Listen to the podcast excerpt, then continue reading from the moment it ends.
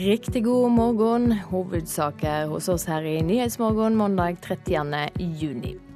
Organisasjoner med kongelige beskyttere står på verstinglista til innsamlingskontrollen. 75% av giverne sine bidrag går til det private firmaet som samler inn penger. Dette innebærer jo at det er kun 25% av det som gis, som går til organisasjonen, og skal da fordeles bl.a. til formål og til organisasjonens drift. Og som vi hørte i Dagsnytt, alkoholforbruket går oppover her i landet. Noe av forklaringa er at kvinner drikker mer og oftere enn før. Og verdens yngste land er også det mest ustabile. Sør-Sudan har nå gått forbi Somalia på lista over de mest ustabile statene i verden. I studio i dag Silje Sande. Kronprins Haakon og prinsesse Märtha Louise er de øverste beskytterne for to organisasjoner som nå er på innsamlingskontrollen si verstingliste. Lista er ei oversikt over organisasjoner folk blir advart mot å gi penger til.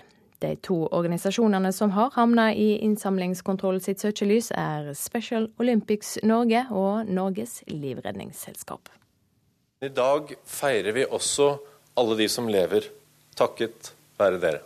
Da Norges livredningsselskap i 2012 delte ut heltedådutmerkelser etter Utøya, var det kronprins Haakon som holdt tale, organisasjonens øverste beskytter. Uten deres innsats ville færre overlevd. Trass i kongelig beskyttelse er Norges livredningsselskap fra i dag på oppslista til innsamlingskontrollen. Årsaken er at 75% av givernes penger går til callsenteret som samler inn midler. Dette innebærer jo at det er kun 25% av det som gis, som går til organisasjonen, og skal da fordeles bl.a. til formål og til organisasjonens drift. Sier leder i innsamlingskontrollen Børre Hagen. Eh, det er ment som en advarsel til giverne. Eh, giverne bør være oppmerksom på at så liten del av det de gir, rent faktisk går til formålet. Det er uheldig for oss å komme på oppslista, sier generalsekretær i Norges livredningsselskap Gard Bjørnstad. Han er enig i at giverne bør informeres bedre om at mesteparten av pengene de gir, går til callsenteret. Norges livredningsselskap ser på dette som eh, både uheldig, men også ufrivillig. Vi har havnet i en situasjon som ikke er ønsket. Vårt hovedbudskap er at vi driver drukningsforebyggende arbeid og ser på muligheter for inntekter eh, som er ganske håpløst å stå for selv. Vi har ikke en organisasjon som er bygget opp for det. Derfor så søker vi profesjonelle tjenester for denne type innsamling. Eh, men hva med de som gir penger? Blir de opplyst om at det er kun 2,50 eh, som går til dere når de gir en tier? Og Det er jo problemstillinger som vi har også reist internt i vårt system. Er dette en tilstrekkelig måte å informere på? Så Dette er en sak som er under utredning, men vi er klar over eh, at dette er for dårlig informert i forhold til den som sånn sett får disse henvendelsene, og yter viktig, et viktig økonomisk bidrag til Norges livredningsselskap. Hva slags dialog har dere med Slottet i denne saken?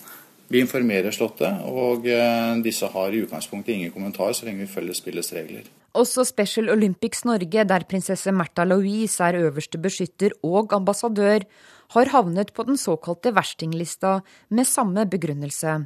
Daglig leder Geir Smeby lover nå kamp mot innsamlingskontrollen. Vi, vi, til å bare sitte og se på at man kommer på en oppsliste på det grunnlaget man gjør. Fordi vi aksepterer ikke at de beveger seg på en grense som er injurierende i forhold til uh, utsagn uh, i media. Men det som dere skal være klar over, er at det er jo et regelverk rundt innsamlingskontrollen uh, som de må forholde seg til. Det er et mandat rundt deres virke som de faktisk går langt utover. Men frykter du noen konsekvenser for dere av å komme på Nei. en sånn oppsliste? Nei, nei overhodet ikke. Det er en så, altså er, den er så oppskrytt og så uh, overvurdert, den, den innsamlingskontrollbiten. NRK har vært i kontakt med Slottet, som sier ingen kommentar. På hjemmesidene til Slottet står det at beskytterskapet fungerer som en anerkjennelse av organisasjonene. Reporter Line Tomte. Med meg nå Marianne Gunnerud, styreleder i Barnekreftforeningen. Det klarer å holde administrasjonskostnadene nede på 12,5% mot 75 som vi hørte om i dette innslaget. Hvordan klarer det det? Vi driver ikke med oppsøkende salg. Det er klart at det koster penger å samle inn penger på den måten. Det gjør ikke vi. Vi er en organisasjon som består av mammaer og pappaer som, eh, som er like personer. Altså, vi har opplevd å få barn med kreft og jobber for å, å hjelpe de. Og vi er frivillige. Eh, vi har et lite sekretariat. Vi har eh, driftskostnader til administrasjon. men det meste arbeidet foregår frivillig, og vi er en støttepartner for, for familier. Og det har fokus på å holde kostnadene nede? Ja, det har vi absolutt. Og det tror jeg altså det er sånn ektefølt engasjement. altså Vi er veldig opptatt av formålet. Eh, så det tror jeg også preger organisasjonen veldig eh, når vi er en, en likepersonsorganisasjon. Så det er viktig for oss, ja. Hvorfor tror du det er så store forskjeller mellom eh, organisasjonene? Det er klart at det er en kamp om oppmerksomhet, og det er en kamp om, om, penger. Eh, for man vil jo gjerne ha støtte til sin sak. Vi også ønsker jo også å få inn penger, slik at vi kan eh, bidra til kreftforskning og, og bedre behandling. Og også jobbe aktivt sosialpolitisk. For det koster penger. Men, eh, men det er uansett viktig å, å ha sånn veldig eh, godt forhold til formålsprosenten. Vi skal bruke pengene på det vi har sagt vi skal gjøre. Ja, har dere vurdert å bruke private firmaer til eh, innsamling? Du, all, eh, telefonsalg er noe som er litt sånn skjellsord i vår forening. Det har vi ikke vurdert. Men det er klart at uh, igjen, det koster å, å, profilere seg og være synlig. Uh, men vi tror det at gjennom den jobben vi gjør, gjennom å gjøre gode aktiviteter og være synlige på nett og, og de kanalene vi kan, og ha gode samarbeidspartnere og støttepartnere som kanskje igjen også gir oss synlighet, så vil det igjen gjøre at folk vil støtte oss. Men du, Barnekreftforeningen er jo en relativt ukjent organisasjon for mange. Hvordan blir du møtt av folk når du uh, tar kontakt? Altså, eh, det, det, er utgangspunktet positivt. Altså, vi får veldig stor sympati, og det skjønner jeg. Eh, barn og kreft det er noe som vekker stor sympati. Men igjen så er det klart at på denne verstinglisten som blir referert til her, så er det jo eh, veldig Altså det er syv av 13 organisasjoner som har barn i navnet sitt. Så det er klart at om det er bevisst eller ikke. Så, så det er jo også med å, å, endre, eller altså skape et slags inntrykk av oss, og vi sliter litt med litt dårlig inntrykk. Hva syns du da om at eh, enkelte organisasjoner bruker 75, 75 og kanskje mer på administrasjon? Ja, altså jeg jeg, jeg syns ikke jeg skal mm, dømme de på noen slags måte. Det koster penger som sagt, å, å drive innsamling. Uh, men, uh, men, jeg skulle jo sett at uh, formålsprosenten var, var høyere. For det er klart at for noen så kan det være slik at å skape en arbeidsplass for å samle inn penger, det, det klinger ikke alltid like godt, i hvert fall ikke her i Norge. Vi hører her at kongelige er høye beskyttere. Kort til slutt, hvor viktig er enkeltpersoner når en samler inn penger? Det er klart det er, det er også med på å, å gi synlighet. Uh, man trenger gode ambassadører. Og det kan være gjensidig, det at man er med å skape godt omdømme for hverandre ved å støtte en organisasjon, og at organisasjonen trenger noen beskyttere som kan hjelpe og skape oppmerksomhet. Takk skal du ha for at du kom i studio, Marianne Gunnerud, styreleder i Barnekreftforeningen. Så skal vi høre at alkoholforbruket i Norge er rekordhøyt. I løpet av 20 år har forbruket økt med 40% viser en ny rapport. Og den dramatiske økningen skyldes i stor grad at kvinner drikker mer. Et glass uh, rødvin eller uh, fire. Men stort sett ett eller to glass til mat.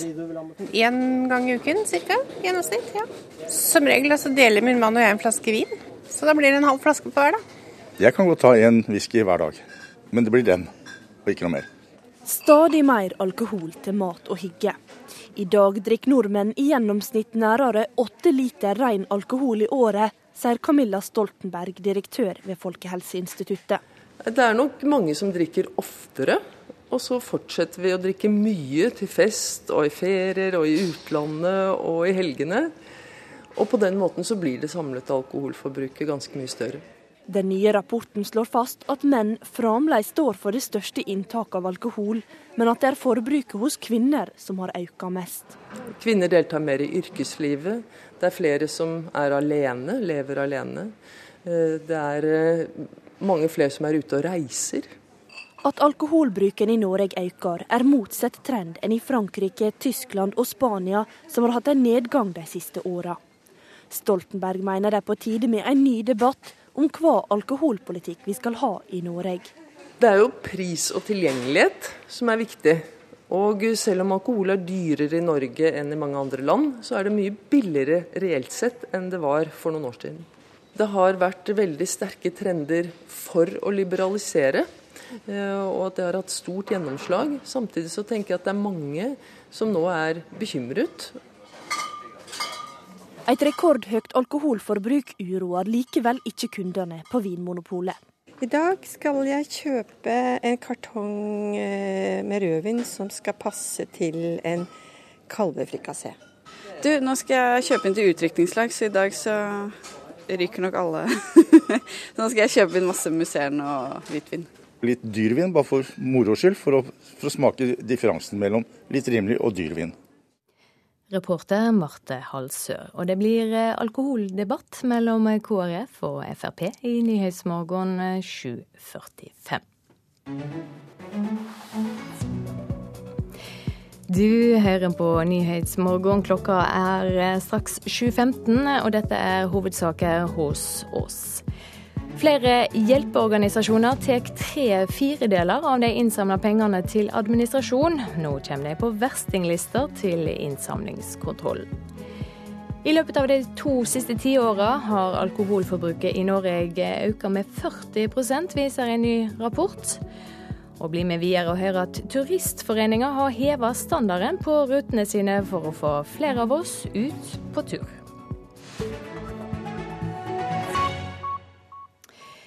Men først nå skal det handle om eh, spedbarn som dør. For eh, tallet på barn som dør før de fyller fem år er halvert på verdensbasis siden 1990, mye takket være vaksiner. Men altså ikke alle piler peker i riktig retning. Tallet på nyfødte som dør har gått opp, og Unicef etterlyser nå nye tiltak for å hindre dette. Generalsekretær i Unicef Norge, Bernt Apeland, velkommen i studio. Det legger i dag fram en ny rapport om nettopp spedbarnsdødelighet. Hva er hovedpunktene der? Det er som du sier, For det første så har vi fantastiske resultater når det gjelder å redusere barnedødelighet totalt. Eh, men hvis vi ser bak denne hovedtrenden, og det er det vi gjør i denne rapporten, så ser vi at én million barn dør den dagen de blir født. Eh, tre millioner barn dør i løpet av den første levemåneden. Eh, og det eh, er en utvikling som er veldig negativ. Eh, og grunnen til det er rett og slett at vi har hatt for lite fokus på denne fasen i, i fødselen og barnets liv. Og det er satt av altfor lite ressurser. Fordi det, denne rapporten viser at med den kunnskapen vi har i dag, og med de metodene vi besitter i dag, så kunne vi redusert denne spedbarnsdødeligheten med to tredjedeler. Hvor er problemet størst? Ja, Det er i de fattigste landene. 75 eh, tre av fire spedbarnsdødeligheter skjer enten i Sør-Asia, altså Pakistan, eh, Bangladesh, eh, India, eller i Afrika sør for Sahara. Og da spesielt i Sahel-beltet, og f.eks. også knyttet til Sør-Sudan, som det har vært nevnt tidligere i dag. Og det er klart at I disse landene så er utfordringene store, og der må vi jobbe langs flere fronter. Vi må fortsette det arbeidet vi har gjort i forhold til vaksiner. Vi må fortsette det arbeidet vi har gjort med å forbedre sanitære forhold, gi tilgang til rent vann. Men de studiene vi har gjort som ligger til grunnlag for denne rapporten, viser at det mest effektive vi kan gjøre, og det gjelder uansett hvor man er, det er å sette inn tiltak rundt den dagen barnet blir født, og den første uka som barnet blir født. Eh, og da trenger vi eh, rett og slett å utdanne jordmødre, og, og sykepleiere. Hva type tiltak da? Ja, så det er, som jeg sier, altså For det første så tror jeg det viktigste er å sørge for at regjeringer, både der dette er et problem, eh, og eh, vi som giverlandsregjeringer, har et fokus på det. og Derfor er det nå en konferanse i Sør-Afrika i dag og i morgen, der bl.a. statsminister Erna Solberg skal eh, delta. Men så må vi gjøre som jeg sa, vi må utdanne flere jordmødre, sånn at vi kan ha helsehjelp til mor eh, den dagen barnet blir født og den første uka etter. Så må vi også, og det er det nest mest effektive tiltaket, eh, er å gi ekstra fokus på små og syke eh, spedbarn.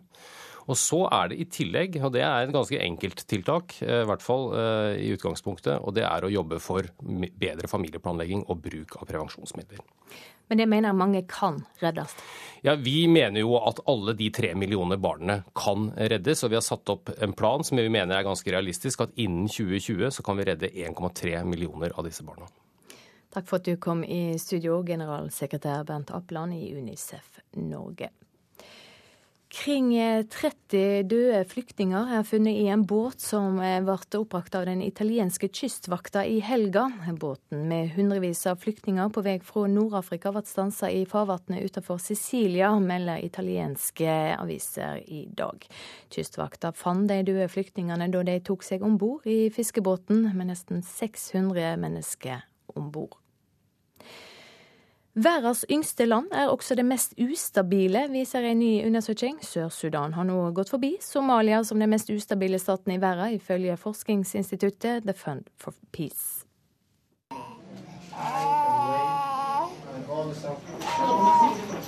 På et provisorisk sykehus i den sørsudanesiske byen Malakal sitter en mor med et lite barn på fanget. Barnet gråter svakt, hun har blemmer rundt munnen og på baksiden av beina. Nå skal hun undersøkes av utenlandsk helsepersonell fra Leger uten grenser.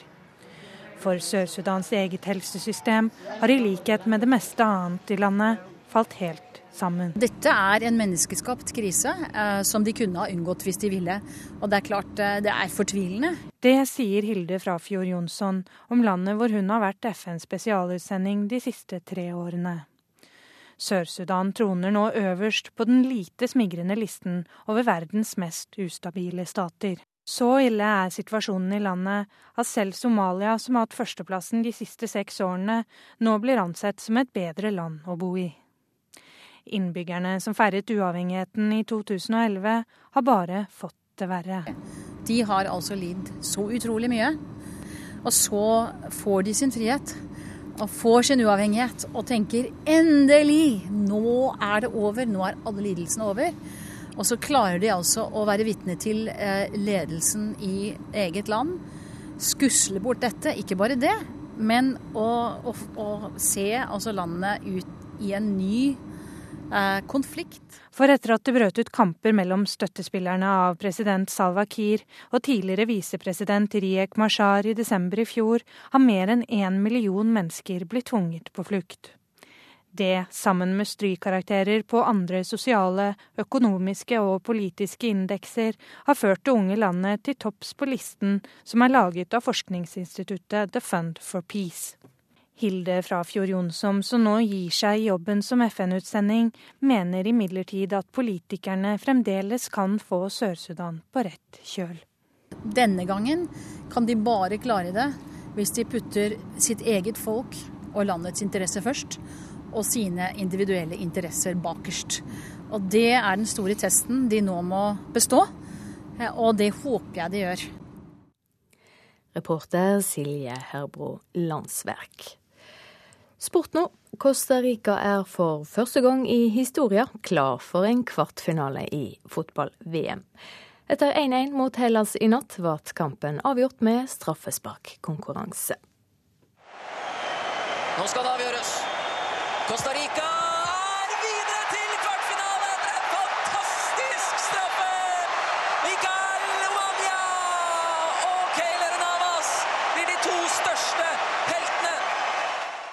Ja, Costa Rica vant eh, straffesparkkonkurransen 5-3 og møter nå Nederland i kvartfinalen i fotball-VM. Politiet har svært stor narkoberedskap på HV-festival utenfor Arendal i år. I løpet av helga ble tolv personer på musikkfestivalen tatt for å ha mindre mengder narkotiske stoff på seg. Eh, det må bli Schoolboy Q.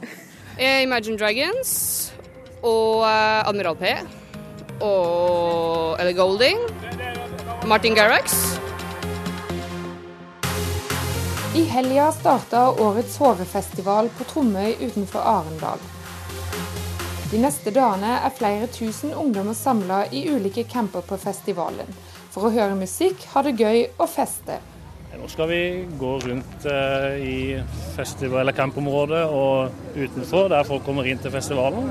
Allerede da portene til festivalcampene åpna tidlig lørdag formiddag, var politibetjent Vidar Arnesen og narkotikahunden Gordon på plass. La hunden søke etter narkotika, og hvis han lokaliserer noe, så vil han følge opp det luktbildet. og markere på narkotika hvis vi finner. Bare kort tid etter markerer hunden og en gruppe på fem unge menn får bøter på til sammen 53 000 kroner og mister festivalpassene sine. I løpet av helga ble til sammen tolv personer tatt med mindre mengder narkotiske stoffer. Eh, nå har jeg vært her åttende gang, jeg tror. Asbjørn Rød er leder for narkotikaavsnittet ved politiet i Arendal. Og når jeg tenker på hvor mange mennesker som er her, 10 000 som ligger fast i, i telt. Der er jo opptil 20 kanskje 25 000 i forbindelse med de største konsertene. Ungdom som sagt mellom 16 og 25 så syns jeg ikke det er skremmende tall. Sjelden har han hatt så mange folk og narkotikahunder på HV-festivalen som han har i år. Fra opptil tre og fire politihunder. Eh, jeg ha disponere mellom 10 og 15 sivile politifolk. Så Sånn sett så er det i særklasse den største i hvert fall sivile innsatsen her i Agder hele dette året. Og det tror jeg også er riktig, i og med at det viktigste for oss det er å være forebyggende. Vi ønsker for all del at ikke HV-festivalen skal bli en plass hvor ungdommen debuterer og begynner på en narkotikakarriere. Jeg kommer mest på stemningen, men jeg er veldig glad i Lemon Tree f.eks. Du da, hva er med deg? Hvilken er hovedattraksjonen? Jeg, jeg bare følger med, jeg. Henger litt på slep. Du skal bare ligge på luftmadrassen og kose deg? Reporter på HV-festivalen Miriam Grov. Vi skal ta en kikk på dagens aviser. Nær 9000 norske barn får sovemedisin, skriver VG i dag. Nå advarer ekspertene mot å ty til lettvinte pilleløsninger for å roe ned ungene. Slik styrer det i Oslo, skriver Dagbladet. Ifølge avisa er det åtte tungt belasta kriminelle grupperinger som dominerer den organiserte kriminaliteten i hovedstaden. Mastergrader er blitt så vanlig i Norge at toppstudentene har funnet nye måter å få forsprang på. Aftenposten har snakka med en student som tar ett år ved eliteuniversitetet Harvard. Samtidig er jobbmarkedet for oljeingeniører blitt tøffere, ifølge Bergens Tidende. Ikke en eneste av kjemiingeniørene som gikk ut fra Høgskolen i Bergen i vår, har fått jobb. For ett år siden hadde alle jobb å gå til. Trening på jobben har liten effekt, skriver Dagsavisen. 28% av oss har vært sykemeldte det siste året, men treningsrom på jobben er bare til hjelp for de som alt er aktive, mener forskere, som har mer tro på å dempe stresset på jobben. Dagens Næringsliv forteller om forvalter Peter Warren og fem rike norske familier som gikk glipp av rundt 750 millioner kroner da de trakk seg ut av et amerikansk hedgefond i 2008, like før det som er blitt kalt for the greatest trade ever. Minoritetsnordmenn trekker til høyresida, skriver Klassekampen i dag. Ifølge Statistisk sentralbyrå har Høyre dobla oppslutnaden blant innvandrere fra Asia, Afrika og Latin-Amerika. Marte må kjøpe husværet for å studere i Tromsø, skriver Nordlys. 19-åringen reiste 240 mil for å gå på visning. Regjeringa åpner for mer bær fra utlandet før EU-forhandlingene om tollfrikvoter. Norsk Småbrukarlag raser, mens saftindustrien gleder seg, skriver Nasjonen. Og Finansavisen skriver om det de kaller fondsbløffen. 200 000 nordmenn betaler for aktiv forvaltning. Fire fond med DNB Norge i spissen har tatt 850 millioner kroner i honorar på fem år, uten å gi kundene mer avkastning. Denne helga åpna ei rekke av turistforeninger sine hytter dørene for en ny sommersesong. Organisasjonen vil ha flere ut på tur, og har satsa på å oppgradere både løyper, skilting og standard. Vi tenker jo hele tida på om vi skal videreutvikle med mer komfort, bedre tilrettelegging. Mange liker å sykle, og det betyr at vi må ha sterkere stier enn før. Godt merka må det være. Trygt å gå, eh, tror jeg er viktig. Frode Støre Bergrem er daglig leder i Trondheims turistforening. Oppjusteringer av rutene og hyttene er en kontinuerlig jobb.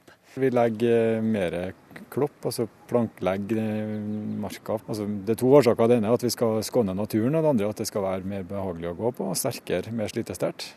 Vi lager bruer over bekker som tidligere folk gikk over uten, uten bru. Og ikke minst det med skilting. Der har vi gjort et kjempestort prosjekt nå. og Det er et landsdekkende prosjekt, sånn at det skal være mye lettere å finne fram til startpunktet på turen. Organiserte aktiviteter er populært. Det bekrefter ei gruppe barn som går forbi i marka. Hva er det artigste med å være på tur, da? Nei, eh, at eh, vi får finne på masse leker. Sju av ti sofaslitere ønsker å drive med friluftsliv for å bli mer aktive, viser en tidligere undersøkelse av meningsmålingsbyrået Synnøveit. Tjukkasgjengen i Trondheim skjønner godt at dørstokkmila er lang for mange. Ja, det, men det er jo bare å melde seg på, det. For jeg har prøvd å få ut mange her. De kommer ikke. Både Irene Åkvik og Kari Stensønes er aktive Tjukkas-medlemmer. Stensønes har også vært med å ruste opp Turistforeningens hytter i år. Jeg har vært på Nedalshytta og. Nå har jeg vært på Gjevilvatnet. Og i sommer skal jeg være på flere plasser som frivillig å male. Hvorfor klarer Tjukkasgjengen å motivere folk til å komme over denne dørstokkmila? Klart, eh, det er jo det sosiale, da. Og at vi går flere sammen. Samfunnet kan spare 400 millioner kroner hvis 95 000 sofaslitere går ti turer i året. Det viser tall fra Sintef. Det krever ikke så mye innsats, mener Turistforeninga. Jeg tror at eh, vi kan gjøre mer i eh, folk sine nærområder for å legge til rette for en aktiv hverdag. Da tror jeg vi får med veldig mange flere enn vi har i dag. Reporter Elisabeth Skarrud. Straks blir det Dagsnytt. Produsent for Nyhetsmorgen i dag, Ulf Tannes Fjell. Programleder Silje Sande.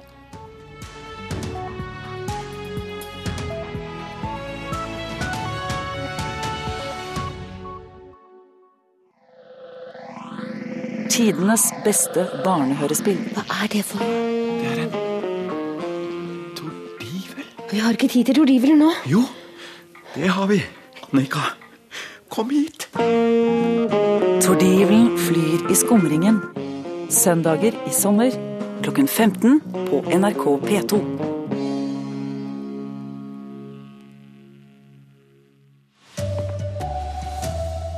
Nordmenn drikker mer enn noen gang, både til hverdags og fest. Opptil 75% av pengegaver til veldedige organisasjoner havner hos kommersielle innsamlere. Innsamlingskontrollen advarer. 30 flyktninger er funnet omkommet i fiskebåt i Middelhavet. Her er NRK Dagsnytt, klokken er 7.30. Alkoholforbruket i Norge er rekordhøyt. I løpet av 20 år har forbruket økt med 40% viser en ny rapport. Den dramatiske økningen skyldes i stor grad at kvinner drikker mer. Ett glass eh, rødvin eller eh, fire. Men stort sett ett eller to glass til mat. Én gang i uken ca. Som regel så deler min mann og jeg en flaske vin, så da blir det en halv flaske på hver. da. Jeg kan godt ta en whisky hver dag, men det blir den, og ikke noe mer. Stadig mer alkohol til mat og hygge. I dag drikker nordmenn i gjennomsnitt nærmere åtte liter ren alkohol i året, sier Camilla Stoltenberg, direktør ved Folkehelseinstituttet. Det er nok mange som drikker oftere. Og så fortsetter vi å drikke mye til fest og i ferier og i utlandet og i helgene. Den nye rapporten slår fast at menn fremdeles står for det største inntaket av alkohol, men at det er forbruket hos kvinner som har økt mest. Kvinner deltar mer i yrkeslivet. Det er flere som lever alene. Det er eh, mange flere som er ute og reiser. At alkoholbruken i Norge øker, er motsatt trend enn i Frankrike, Tyskland og Spania, som har hatt en nedgang de siste åra. Stoltenberg mener det er på tide med en ny debatt om hva alkoholpolitikk vi skal ha i Norge. Det er jo pris og tilgjengelighet som er viktig. Og selv om alkohol er dyrere i Norge enn i mange andre land, så er det mye billigere reelt sett enn det var for noen år siden. Det har vært veldig sterke trender for å liberalisere, og at det har hatt stort gjennomslag. Samtidig så tenker jeg at det er mange som nå er bekymret. Og reporter her var Marte Halsør. Og det blir alkoholdebatt mellom KrF og Frp i Nyhetsmorgen på P2 og Alltid nyheter klokken 7.45. Kronprins Haakon og prinsesse Märtha Louise er øverste beskyttere for to organisasjoner som nå er på verstinglista til innsamlingskontrollen. Lista er en oversikt over organisasjoner det advares mot å gi penger til. De to organisasjonene er Special Olympics Norge og Norges livredningsselskap. I dag feirer vi også alle de som lever, takket være dere. Da Norges livredningsselskap i 2012 delte ut heltedådutmerkelser etter Utøya, var det kronprins Haakon som holdt tale, organisasjonens øverste beskytter. Uten deres innsats ville færre overlevd. Trass i kongelig beskyttelse er Norges livredningsselskap fra i dag på oppslista til innsamlingskontrollen. Årsaken er at 75% av givernes penger går til callsenteret som samler inn midler. Det er kun 25% av det som gis, som går til organisasjonen. Sier leder i innsamlingskontrollen Børre Hagen. Eh, det er ment som en advarsel til giverne. Eh, giverne bør være oppmerksom på at så liten del av det de gir, rent faktisk går til formålet. Det er uheldig for oss å komme på oppslista, sier generalsekretær i Norges livredningsselskap Gard Bjørnstad. Han er enig i at giverne bør informeres bedre om at mesteparten av pengene de gir, går til callsenteret. Det er jo problemstillinger som vi har også reist internt i vårt system. Er dette en tilstrekkelig måte å informere på? Så Dette er en sak som er under utredning, men vi er klar over at dette er for dårlig informert i forhold til den som sånn sett får disse henvendelsene, og yter viktig, et viktig økonomisk bidrag til Norges livredningsselskap. Også Special Olympics Norge, der prinsesse Märtha Louise er øverste beskytter og ambassadør, har havnet på den såkalte verstinglista med samme begrunnelse. Daglig leder Geir Smeby lover nå kamp mot innsamlingskontrollen. Vi, vi, kommer ikke til å bare sitte og se på at man kommer på en oppsliste på det grunnlaget man gjør. Og reporter her var Line Tomter, og Slottet har ingen kommentar til saken. Rundt 30 døde flyktninger er funnet i en båt som ble stanset i farvannet utenfor Sicilia, melder italienske medier. Båten med hundrevis av flyktninger var på vei fra Nord-Afrika. Det er ikke første gang Kystvakten finner døde om bord i flyktningbåtene, men aldri før har det blitt funnet så mange. I helga gikk mannskap fra den italienske kystvakten om bord i en fiskebåt for å evakuere de mest trengende flyktningene bl.a. to gravide kvinner. 30 døde personer og nesten 600 flyktninger var synet som møtte dem. Ifølge Kystvakten har de 30 trolig dødd av kvelning. Fiskebåten taues nå til Sicilia og er ventet å komme frem i løpet av dagen. Da blir de en del av en dyster statistikk. På havnene i Sør-Italia teller hjelpemannskap flyktningene som kommer i land. Så langt i år har omtrent 60 000 flyktninger kommet sjøveien til Italia.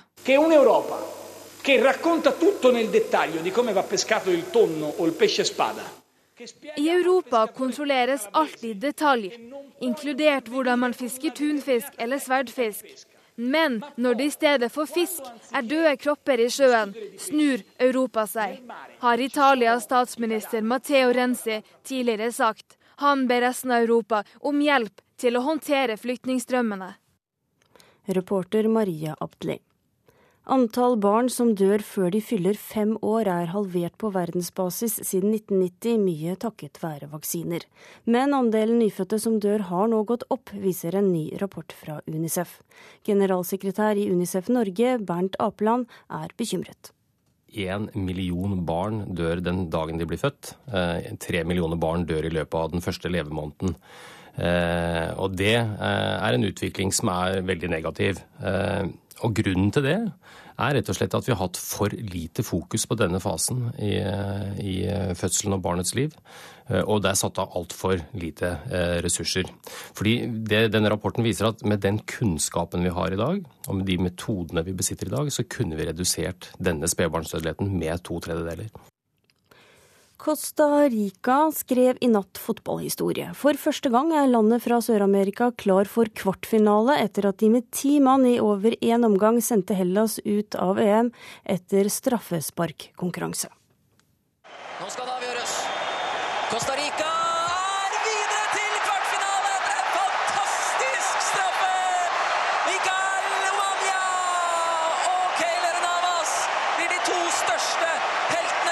Jeg er utrolig glad og takker Gud.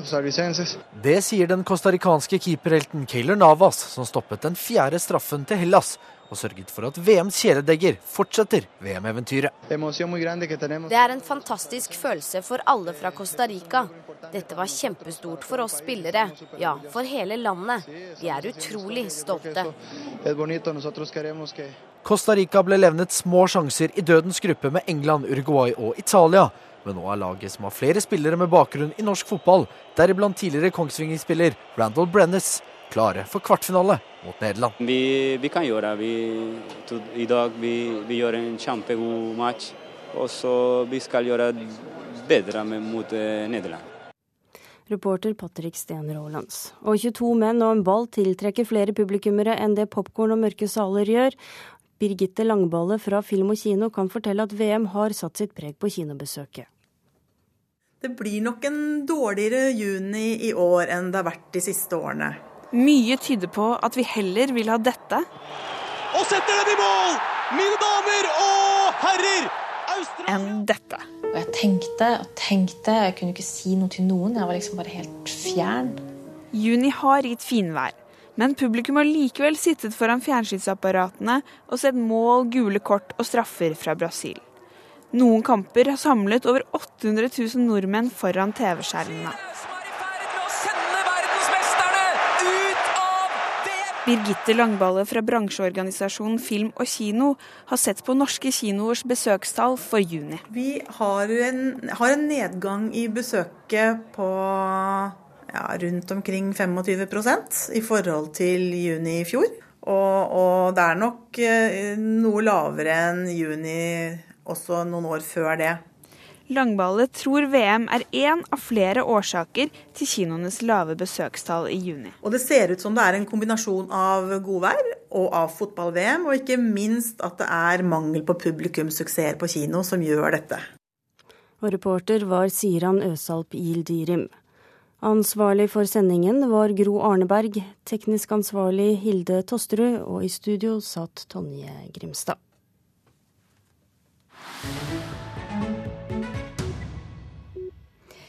I Honduras flykter folk for å komme vekk fra de ekstremt voldelige gjengene som terroriserer landet. Bydeler både i hovedstaden og andre steder har nærmest blitt spøkelsesbyer. Honduras ligger på værstoppen i drap, og mange drar til USA i håp om å få et bedre liv. De skjøt meg først i beinet, forteller forretningsmannen Federico Agila Colindres til nyhetsbyrået Reuters. Han er en av mange i Honduras som har blitt offer for de ekstremt voldelige gjengene i landet. De kom for å kreve beskyttelsespenger. Først ville han ikke betale, da skjøt de. Colindres hadde ikke noe valg. Han ga dem pengene de ba om. Tungt bevæpnet politi patruljerer gatene i et fattig nabolag i hovedstaden Tegucigalpa. Her var det en gang et hotell og mange butikker. Nå er mange hus skutt i stykker og forlatt. Det ser ut som en krigssone. De som bodde her før, har flyktet fra volden. På veggen inni et av de små murhusene har noen skrevet tallet 18 på veggen. Det er signaturen til en av de mest voldelige gjengene, som kalles Mara 18. De brenner og gravlegger folk mens de fortsatt lever, forteller den ene politimannen. På TV-bildene fra Reuters ser vi flere arresterte gjengmedlemmer. Én har et kraftig kutt i hodet og blod på den barberte skallen. I panna har han tatovert tallet 13, som symboliserer den andre gjengen, Mara Salvatrucha. Begge gjengene er kjent for sine tatoveringer, og de har vært i krig med hverandre i mange år. De slåss om kontrollen over narkotrafikken fra Sør-Amerika til USA og kontroll over områder. De som har makta, krever gjerne beskyttelsespenger fra butikker, restauranter og bussjåfører. Gjengmedlemmene er overalt, forteller talsmann for sjåførenes fagforening George Lanza. Han sier at det ofte er vanskelig for sjåførene å vite hvem de skal gi billettinntektene til. Skal han gi dem til eieren eller til mannen som kommer inn på bussen og krever beskyttelsespenger? Politiet har funnet nok en drept bussjåfør. Og et annet sted i hovedstaden er en taxisjåfør skutt og drept. Den døde kroppen ligger over rattet. Dette skjer nærmest daglig. For Honduras har en ubehagelig verdensrekord. De har verdens høyeste drapsrate, med 87 drap per 100 000 innbygger. Overført til Norge ville det betydd at mer enn 400 hadde blitt drept i Oslo hvert år. causado por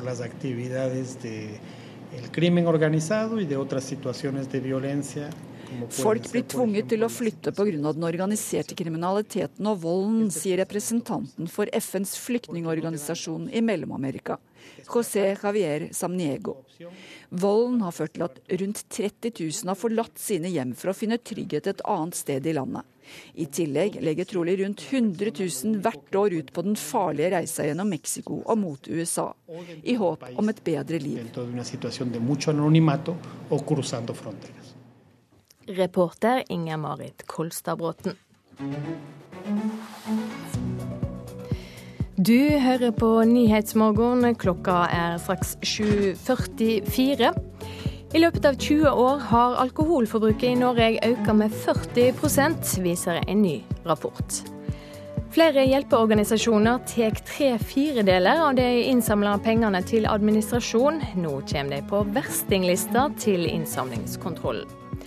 Og tallet på barn som dør før de fyller fem, er halvert på verdensbasis siden 1990. Men tallet på nyfødte som dør har gått opp, viser en ny rapport fra Unicef.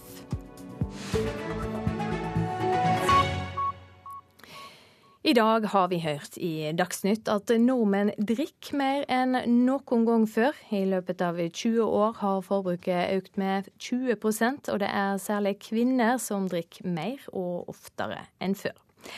Her i Nyhetsmorgen har vi invitert KrF og Frp til å snakke om dette, og Line Henriette Hjemdal, stortingsrepresentant for Kristelig Folkeparti. Hvor godt synes du en har lykkes med alkoholpolitikken når forbruket øker så kraftig som det vi hører her? Nei, dette er nok en trend som vi som fellesskap bør ha som mål om å snu. Ja, vi lever i en globalisert verden. Vi tar med oss både trender og inntrykk som vi får når vi er ute og reiser. Og så har vi vår eh, norske kultur med litt mer flatfyll. Og når vi kombinerer disse to, så har vi nå da fått en økning de siste 20 årene. Og så ser vi at det er vi kvinner som nå drikker mer. Eh, vi drikker oftere, og det gjør jo at statistikken nå peker i feil retning. Så ser vi også at eh, eldre mennesker over 70 drikker fortsatt mye. Men jeg tror også at vi i dag, når vi får denne statistikken, skal stoppe opp med det lille positive. Det er ungdommen vår. Som etter da 2006 har en stagnering og en nedgang. Jeg syns jo det er spennende at vi også da kunne sett eh, hva som det skyldes at eh, de vi liksom tror er mest trendige, de som følger mest med på internett og mest med hva som skjer i verden, altså gjør noe annet enn oss voksne. Det må vi også ta med oss denne dagen, selv om trenden går i feil retning, og det har vi et felles ansvar for å snu. Vi har også med oss Morten Wold, stortingsrepresentant for Fremskrittspartiet. Hva argument ser du for en mer liberal alkoholpolitikk, som jo Frp ønsker, når en ser hvordan forbruket har gått opp? Så La meg først understreke at vi her snakker bl.a. om estimerte tall eh, for eh, utenlandskonsum og hjemmebrenning og smugling. Sånn sett så er det kanskje noe usikkerhet knyttet til disse tallene. Og Det snakkes om en eh, økning på 20% og det er sånn sett også verdt å nevne at i løpet av de siste 20 åra så har også befolkningen i Norge økt med en million, altså ca. 20-25% Sånn sett så er det også flere som da også kan konsumere. Sånn sett så er det ikke sikkert at disse tallene er eh, så illevarslende som det man i utgangspunktet eh, kan tro. Når det gjelder liberalisering, så mener vi at deler av markedet kan liberaliseres, slik at flere får tilbud om Eh, om tilgang til eh, restauranttjenester osv. hvis man ikke bor midt i byen. Eh, men når det er sagt, så ligger altså alkoholpolitikken fast under denne regjeringen. Så det er ingen store endringer i den alkoholpolitikken som føres nå, og det som ble ført under den forrige regjering. Men la oss gå ut ifra at tallene gir et noenlunde rett bilde. Hva mener Frp, er det ikke et problem at folk drikker stadig mer? Altså, det er klart Alkohol er, eh, er, et eh, middel man skal omgås med eh, respekt. Det er en lovlig vare som omsettes i Norge. Vi reiser stadig mer, vi blir stadig mer internasjonaliserte. Og, og, nordmenn har lagt til seg kontinentale drikkevaner. Sånn sett så er det utrolig viktig med opplysningsarbeid mot den unge generasjonen. og Derfor er det gledelig å se at ungdom er de som drikker mindre i, i denne, denne undersøkelsen. Og en må legge til rette for at en i kommunene har både psykiatritjeneste og lavterskeltilbud som gjør at en kan fange opp de som er i faresonen på et tidlig tidspunkt, for å stanse det som kan utvikle seg til å bli et problem. Hva skal vi da gjøre med de voksne, og kanskje kvinnene som, som drikker mer? Nei, Det er jo klart at dette som Vold sier er en lovlig vare, men jeg opplever jo at uh, Vold her uh, minimaliserer litt av utfordringen. Fordi det er et felles mål å snu denne trenden. Det har også Fremskrittspartiet vært med i rusmeldingen og innstillingen når vi debatterte den i fjor i Stortinget.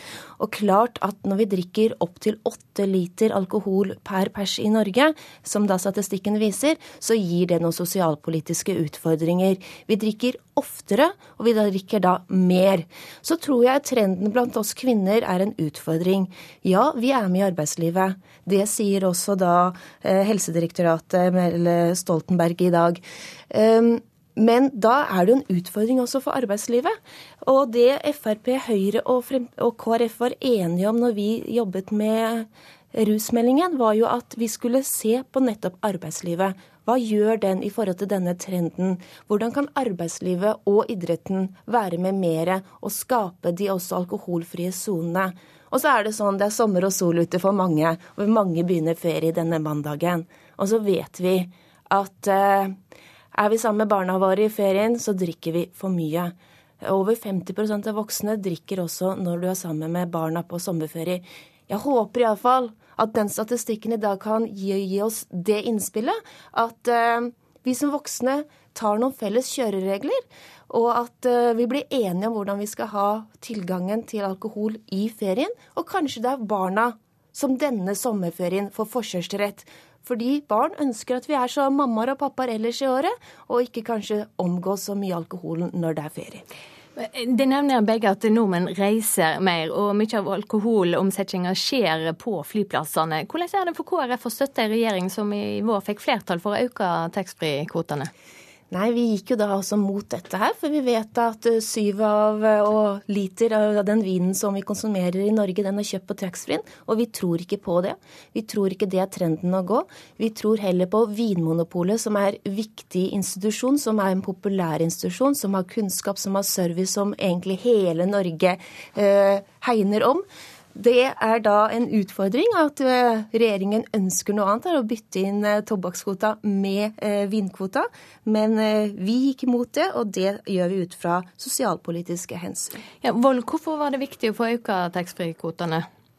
Det er jo ikke den viktigste saken i verden, men det handler rett og slett om å legge til rette for at mennesker kan eh, slippe å forholde seg til eh, litt tungvinte bakstreverske regler. Og eh, dersom en kan ta med seg vin som en kanskje gjerne nyter i stille og rolig i, rundt, rundt, grillen i løpet av sommeren, så er det bedre enn at man røyker tobakk. Så vil jeg jo si at det er verdt å peke på at Statens institutt for rusmiddelforskning faktisk jo påpeker at toppår Året for alkoholomsetning var i 2008. Siden så har det faktisk vært en svak nedgang.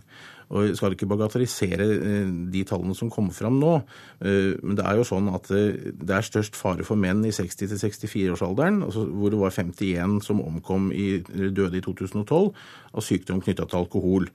Men eh, det er jo sånn at eh, rundt 200 mennesker dør i trafikken, og vi kan jo ikke nekte folk å kjøre bil for det.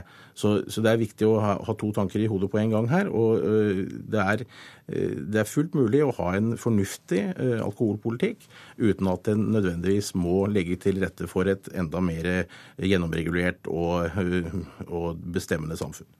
Det som er viktig her, tror jeg, det er at vi også kan ta med oss de erfaringene som vi har fra røykeloven. Den var kunnskapsbasert. Vi har nok kunnskap. Vi vet hva som skal til i forhold til å endre drikkevannene våre.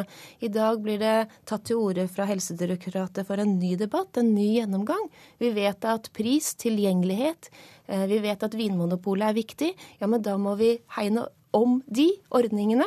Eh, og så blir utfordringen da til regjeringspartnerne her eh, hvilken eh, avgiftsnivå legger man seg på i forhold til alkoholavgifter for de kommende årene? For vi vet at det er avgjørende i forhold til hvor mye vi drikker. Vold, er det klar for en ny alkoholdebatt? Altså, som jeg sa innledningsvis, så eh, ligger dagens eh, alkoholpolitikk fast eh, med den nye regjeringen. Altså, det er ingen store skiller i politikken fra den forrige regjeringen. Det vi ønsker, er å se på eh, litt inngrodd regelverk, gjøre ting lettere for folk flest, eh, fjerne begrensninger som er vanskelig å forstå. Men det er ikke noe ønske fra denne regjeringen at det totale alkoholkonsumet skal gå opp. Og Regjeringen er også veldig opptatt av å gi penger til rus- og psykiatritiltak, og ga f.eks. i eh, revidert budsjett 400 millioner kroner ekstra i kommuneproposisjonen, som skal brukes til å styrke områder som rus og psykiatri og helse, helsestasjoner og skolehelsetjeneste. Det er viktige områder for å fange opp signaler om rusmisbruk på et tidlig tidspunkt. Men hvorfor vil de ha billigere alkohol når forskning syner at alkoholavgiftene, altså høy pris, er med på å dempe forbruket? Ja, det, Derom strides vel kanskje de lærde. Eh, vi ser jo at denne restriktive alkoholpolitikken som har vært ført i dette landet i mange år, tydeligvis eh, ikke har de resultatene som, eh, som en kunne ønske, siden vi får denne rapporten sånn som vi får i dag. Så vi tror at en, en omlegging av avgiftene kan være sunt, bl.a. Det, det å få folk til å gå over fra sterke til svakere drikkevarer. Og vi også ser en trend som er positiv. Folk drikker mer vin enn brennevin. Takk skal dere ha for at dere kom i studio, Morten Wold fra Fremskrittspartiet og Line Henriette Hjemdal for eh, KrF. Vi skal høre at Høyre dobler sin oppslutnad blant innvandrere. Fra 2011 til 2013 økte Høyre sin oppslutnad blant innvandrere fra Asia, Afrika og Latin-Amerika fra 13 til 26% Det viser en rapport fra Statistisk sentralbyrå. Partiene til Venstre har fremdeles høy oppslutnad blant innvandrere fra Asia, Afrika og Latin-Amerika, men oppslutninga er fallende. Hun liker fart og vil gjerne ha økt flere fartsgrenser kring om i landet, men når hun skal hvile, vil hun gå på beina. Landbruks- og matminister Sylvi Listhaug drar til fjells for å hente krefter i sommerferien.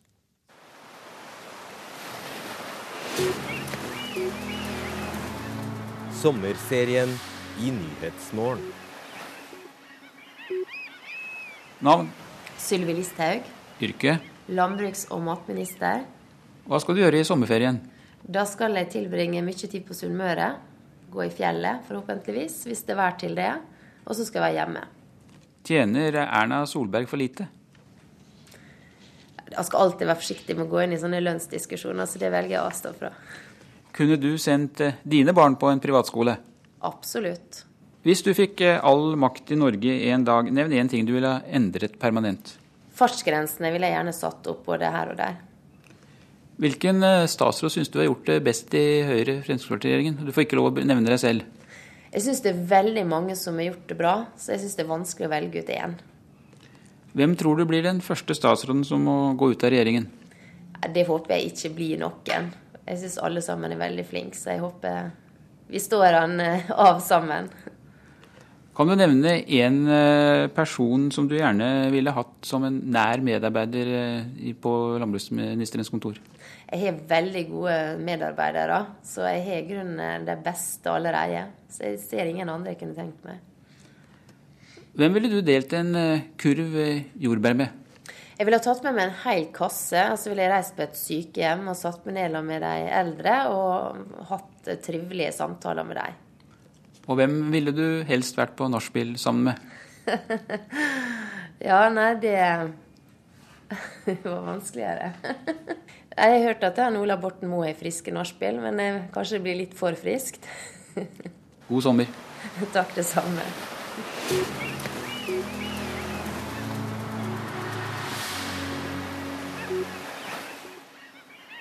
Det var eh, Per Arne Bjerke som hadde snakka med landbruks- og matminister Sylvi Listhaug. Meteorologisk institutt melder om lokalt stor skogbrannfare på Vestlandet sør for Stad og i Agder. Vi skal ha et værvarsel som gjelder fram til midnatt. Fjellet i Sør-Norge enkelte regnbyger og utrygt for torevær, perioder med sol. Østlandet får enkelte regnbyger, utrygt for torevær i ettermiddag. Telemark og Agder skiftende bris, på kysten vest for Lindesnes nordvestlig frisk bris, fra i ettermiddag liten kuling. Enkelte regnbyger, flest byger i indre strøk i ettermiddag, utrygt for torevær. Vestlandet sør for Stad utrygt for lave skoddeskyer i ytre strøk i morgentimene, eller stort sett fint vær. I ettermiddag nordlig liten kuling nord for Feie. Lokale ettermiddagsbyger utrygt for torevær. Møre og Romsdal og Trøndelag nordøst frisk bris på kysten. Fra i ettermiddag liten kuling sør for Trondheimsfjorden. Skiftende skydekke. Fra i ettermiddag lokale regnbyger, vesentlige indre strøk. Utrygt for torevær. Nordland får skiftende bris. På kysten nordlig frisk bris, fra i ettermiddag liten kuling i sør. Enkelte ettermiddagsbyger i indre strøk eller stort sett fint vær. Skodde skyer enkelte steder i nord. Troms enkelte ettermiddagsbyger i grensestrøkene, ellers til dels fint vær. Skodde enkelte steder i ytre strøk. Finnmark enkelte regnbyger i sør og øst, utrygt for torevær, ellers til dels fint vær. Skodde enkelte steder på kysten. Og til slutt eh, Nordensjøland på Spitsbergen. Der blir det skiftende bris og stort sett opphav. Vi skal ha temperaturene som var målt eh, klokka fem. Svalbard lufthavn sju, Kirkenes ti, Vardø sju. Alta elleve, Tromsø-Langnes sju, Bodø ni, Brønnøysund ti. Trondheim-Værnes ti, Molde åtte. Bergen-Flesland hadde elleve. Stavanger 10, Kristiansand-Kjevik 11, Gardermoen 10, Lillehammer 10, Røros 7 og Oslo-Blindern hadde 12 grader klokka fem. Så er det venta at det blir litt kaldere på Vestlandet. Ellers i Sør-Norge litt varmere. I Nord-Norge og på Spitsbergen er det venta omtrent uendra temperaturer.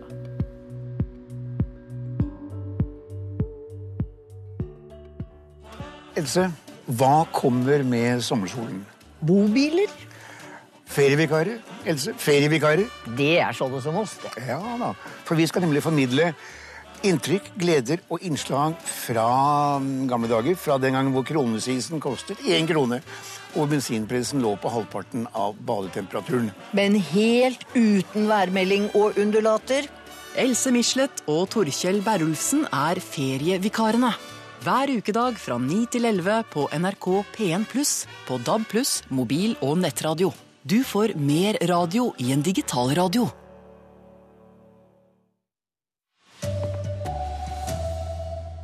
Flere tusen elever starter på videregående med elendige karakterer fra ungdomsskolen. Italiensk kystvakt fant 30 døde flyktninger i fiskebåt. Her er NRK Dagsnytt klokka åtte. Over 6000 av elevene som gikk ut av grunnskolen i fjor, fikk karakteren 1 eller ikke vurdert. Det skriver VG. Likevel fikk de fleste plass på videregående skole. Tall fra Stortingets utredningsseksjon viser at antall elever som får den aller laveste karakteren, eller som ikke blir vurdert i det hele tatt, har økt de siste årene, skriver VG. Skoleåret 2010-2011 var det 7,5% som fikk én eller ikke ble vurdert. Neste skoleår hadde andelen økt til 8,2% og dette skoleåret 9,7 Skolepolitiker i Høyre, Kent Gudmundsen, sier til VG at det er urovekkende at så mange elever avslutter grunnskolen uten å ha tilstrekkelig faglig grunnlag for å begynne på videregående. Han har tro på at en veksling mellom arbeid og skole kan være en god vei for flere av disse elevene, og at det kan gjøre overgangen til videregående mykere for den enkelte. Reporter Eva Marie Bulai. Rundt 30 døde flyktninger er funnet i en båt som ble stanset i farvannet utenfor Sicilia, melder italienske medier. Båten med hundrevis av flyktninger var på vei fra Nord-Afrika. Det er ikke første gang Kystvakten finner døde om bord i flyktningbåtene, men aldri før har det blitt funnet så mange. I helga gikk mannskap fra den italienske kystvakten om bord i en fiskebåt for å evakuere de mest trengende flyktningene bl.a. to gravide kvinner. 30 døde personer og nesten 600 flyktninger var synet som møtte dem. Ifølge Kystvakten har de 30 trolig dødd av kvelning. Fiskebåten taues nå til Sicilia og er ventet å komme frem i løpet av dagen. Så langt i år har omtrent 60 000 flyktninger kommet sjøveien til Italia. Sa reporter Maria Abdli. Statoil slår fast at Johan Castberg-feltet i Barentshavet alene ikke har nok olje til at det vil lønne seg å bygge rør til land. En avgjørelse som, om teknisk løsning for utbygging er utsatt til sommeren 2015, opplyser selskapet. Ifølge en brukerundersøkelse politiet har gjennomført, er det nok politi i gatene. 90% av de spurte følte at de fikk hjelp da de oppsøkte politiet, og 60% sier at de har sett politi i gatene det siste året, viser politiets egne tall. Det viser at politiet er til stede der folk bor, sier justisminister Anders Anundsen til TV 2. NRK Dagsnytt, Tonje Grimstad.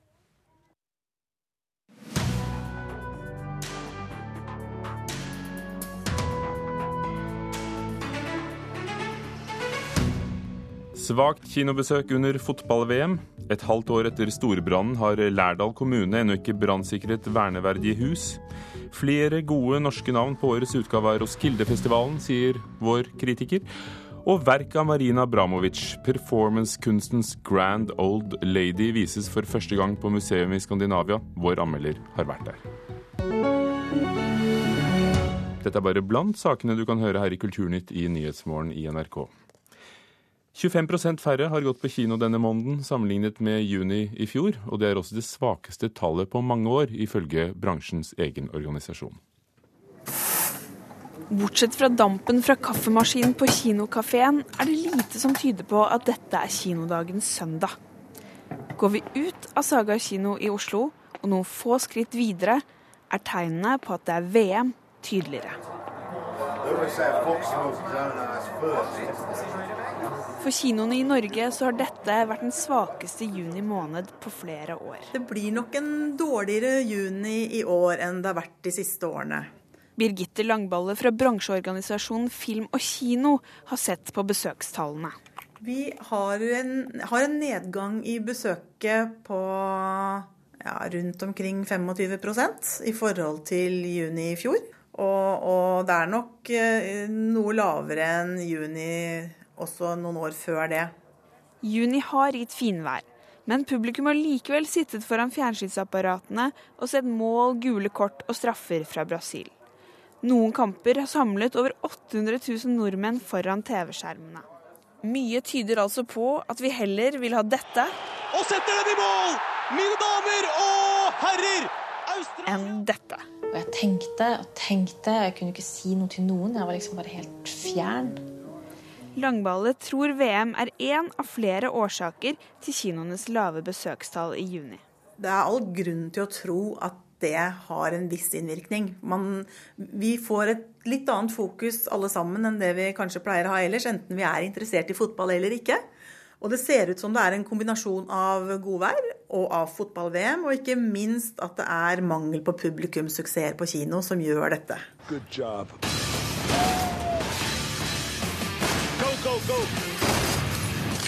Arnold Schwarzeneggers siste bidrag til kinoprogrammet, 'Sabotage', har så langt ikke klart å trekke publikum til kinoene. Og heller ikke den mest sette norske filmen i juni, 'Dr. Proktors prompepulver', gir gode tall for måneden. Det er jo en fantastisk oppfinnelse. Et prompepulver som ikke lukter noe. Sven B. Jensen er direktør i filmdistribusjonsselskapet Arthouse. Han sier at de er bevisste på arrangementer som fotball-VM når de skal slippe nye filmer. Når vi velger våre premiere- premieredatoer, så, så er det mange faktisk som spiller inn. Og konkurranse fra andre filmer på kino. Andre arrangementer, fotball-VM selvfølgelig. Samtidig viser han til at for noen filmer kan det lønne seg å bli vist på kino i sommermåneden juni. Vi tenker at uh, juni, da er det lite konkurranse fra andre norske filmer, så det kan være en styrke.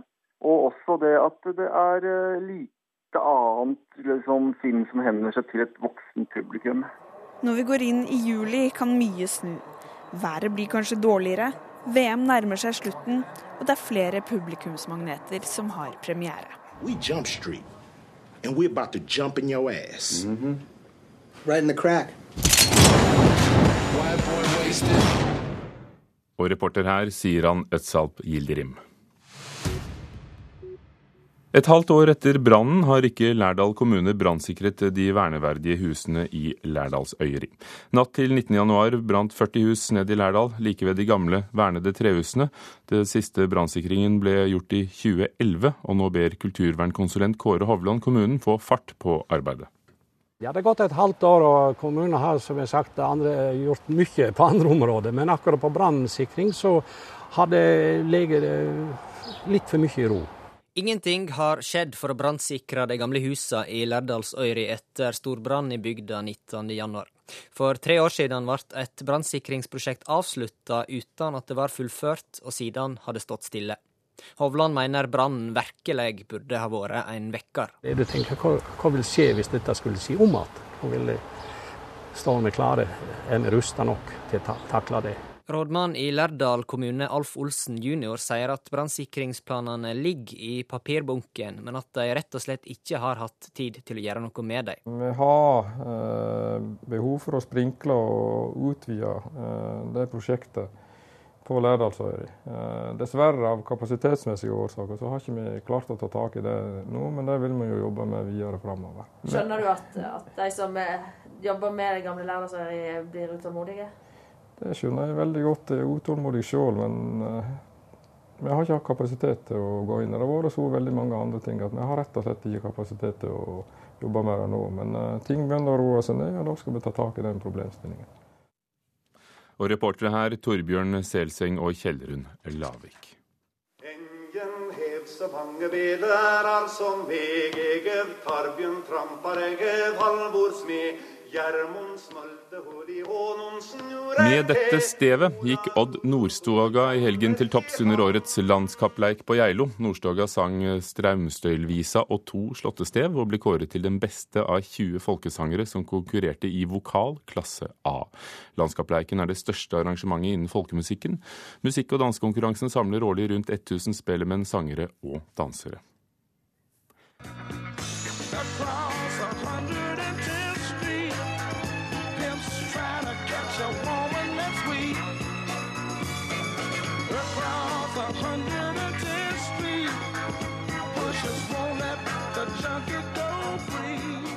Popstjernene hyller den amerikanske soulartisten Bobby Womack, som døde fredag.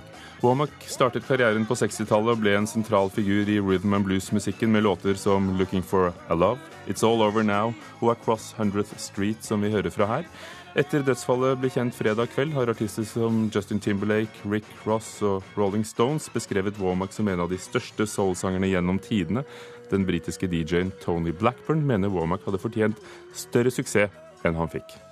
I thought, you know, as a, as a soul uh, lover of soul myself, he was one of the greatest soul singers of all time. But it was, I don't know, he didn't really hit the, the real big time, I wouldn't have thought. And he had such a terrific voice. I mean, everybody knew him, but um, he could have had a lot more success, I think. But he was just a terrific character and a lovely person to know. And I was very sad when I woke up this morning and found that he was no longer here. Tony Blackburn til BBC, en fantastisk person som flere burde satt pris på.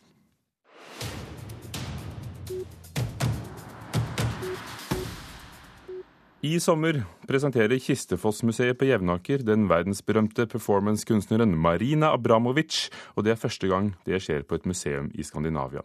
Mona Pali Bjerke, Marina Abramovic er et stort navn, men kan du likevel som kunstkritiker begynne med å si litt om hvem hun er? Ja, Hun er jo en, en av de mest innflytelsesrike kunstnere i vår tid og altså eh, performancekunstner. Og hun har gjort seg gjeldende da med sine prosjekter helt siden 70-tallet. Ja, for Der, hva er performancekunsten?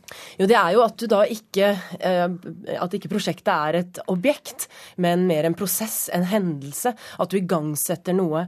Og det hun hele tiden har gjort, og som er vanlig også innenfor performancekunsten generelt, er at hun trekker inn publikum veldig aktivt i sine prosjekter. Og også det hun har vært opptatt av, er å eh, utforske kroppen og sinnets uh, tålegrenser. Hun har jo da i flere arbeider uh, skåret seg selv til blods. Hun har lagt ut instrumenter og objekter som publikum kan gjøre hva de vil med på kroppen hennes.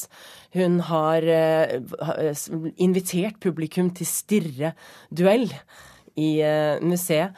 Og ja, nå sist, da, med dette hvor hun skulle utforske eh, hva, hva, det betyr for oss å skrike. Hva som skjer med oss når vi virkelig gir oss over i et vilt og hemningsløst skrik. Og Hun er egentlig serbisk, men bor i New York og ble altså hentet til, til Oslo i fjor til, til, det du nevner, som var Skrikverket, da hun fikk 270 uh, Oslo-borgere til å, å, skrike om Kapp i Ekebergåsen for å gjenskape Edvard Munchs Skrik som en del av Munch-jubileet. Filmen av dette, The Scream, er blant det som vises på Kistefoss, men hva annet får vi se? Ja, dette er en utstilling som har tittelen 'Entering the Other Side', så gå over eh, til den andre siden, eh, og handler om døden. Og det er ikke akkurat noen sånn eh, subtil tematikk som man må lete med lys og lykte for å finne. Veldig mange av arbeidene så har hun med seg et stort skjelett, og som hun bærer på ryggen. I en film så ser vi at hun ligger på ryggen med dette skjelettet oppå seg. Og dette er jo sånn, nesten også en gjenskapning av Munch, da, 'Piken og døden', dette kraftfulle motivet. Og det er jo sterkt også i dag å se denne koblingen mellom de kalde, harde restene av et, noe som en gang var et menneske, og den levende, myke, pustende kvinnekroppen. Så har hun ett arbeid hvor hun da vasker systematisk og grundig et skjelett med såpevann, som en slags eh, sterilisering av døden, et forsøk på å bemektige seg og kontrollere det vi egentlig da ikke kan eh, kontrollere. Var det noe som gjorde spesielt inntrykk på deg? Jeg synes Det flotteste i utstillingen var det stedspesifikke verket. Altså det verket som var lagd for Kistefoss i tresliperiet.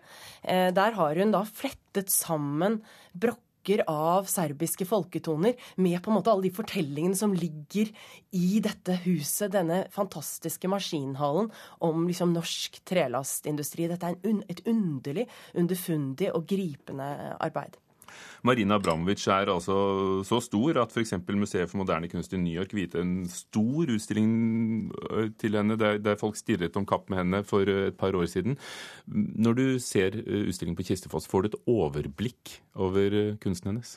Nei, det får du ikke i det hele tatt. og det, det, Jeg tar for gitt at ikke det var hensikten. Dette opplever jeg mye mer som en tematisk utstilling som går inn i denne dødstematikken i, i arbeidene hennes, og som viser bare en håndfull, en lite glimt inn i hennes prosjekt. Og lykkes den for deg? Nei, altså det, det, du kan si Det er vanskelig å vise en performancekunstner uten å hente inn statister som gjenskaper hendelsene. For det blir på en måte bare rester av det som var virkelig kunsten. Da. Men selvfølgelig kan man ikke kritisere Kistefoss for at ikke de har hatt uh, budsjetter til å holde Marina Abramovic der ute hele sesongen. Men hun er jo uh, alltid navet i sine egne prosjekter, og kroppen hennes er arenaen. Så det er klart det blir et litt sånn blekt bilde i tillegg. Så, så man må jo på en måte gå inn å lese om de forskjellige aksjonene for å få noe ut av disse bildene som bare er på en måte glimt inn i det hun har skapt. da. Og da blir dokumentasjonen ekstra viktig? Ja, og da er det jo sørgelig at den katalogen som er publisert i utstillingen er så dårlig som den er, med så eh, svakt språk og også med mange feil. Så jeg vil jo anbefale folk å søke andre eh, informasjonskanaler enn den, da. Takk skal du ha, Mona Falli Bjerke, som hadde sett Marina Abramovic-utstillingen på Kistefoss på Jevnaker. Og så kan du som alltid lese anmeldelsene våre på nrk.no. Kvart over åtte Kulturnytt i Nyhetsmorgen i NRK med følgende overskrifter eh, i nyhetene i dag. Nordmenn drikker mer enn noensinne, både til hverdags og fest. I løpet av 20 år har alkoholforbruket gått opp med 40% i Norge. Opp mot tre fjerdedeler av pengegavene til veldedige organisasjoner havner hos private innsamlingsfirma. Innsamlingskontrollen advarer. Over 6000 av elevene som gikk ut av grunnskolen i fjor, fikk karakteren 1 eller ikke vurdert. Og senere i Kulturnytt skal vi høre om et historisk museum som vil ta tilbake vikingarven etter nazistenes okkupasjon av Norge. Sjelden har politiet hatt så, store, så stor narkotikaberedskap som under HV-festivalen Eh, i år. I løpet av helgen ble tolv personer tatt med mindre mengder narkotiske stoffer. Festivalledelsen er glad for politiets innsats, men skulle ønske at festivalens positive sider fikk mer oppmerksomhet. Savantka det må? det må bli skolebøker. Imagine Dragons og uh, Admiral P. Og Ellie Golding. Martin Garrix. I helga starta årets HV-festival på Tromøy utenfor Arendal. De neste dagene er flere tusen ungdommer samla i ulike camper på festivalen. For å høre musikk, ha det gøy og feste. Nå skal vi gå rundt eh, i festival- eller campområdet og utenfor, der folk kommer inn til festivalen. Allerede da portene til festivalcampene åpna tidlig lørdag formiddag, var politibetjent Vidar Arnesen og narkotikahunden Gordon på plass. La hunden søke etter narkotika, og hvis han lokaliserer noe, så vil han følge opp det luktbildet og markere på narkotika hvis vi finner. Bare kort tid etter markerer hunden og en gruppe på fem unge menn får bøter på til sammen 53 000 kroner og mister festivalpassene sine. I løpet av helga ble til sammen tolv personer tatt med mindre mengder narkotiske stoffer. Arnesen sier festivaldeltakerne er ubetinga positive når han kommer med schæferen. De fleste som er her, de ruser seg jo ikke.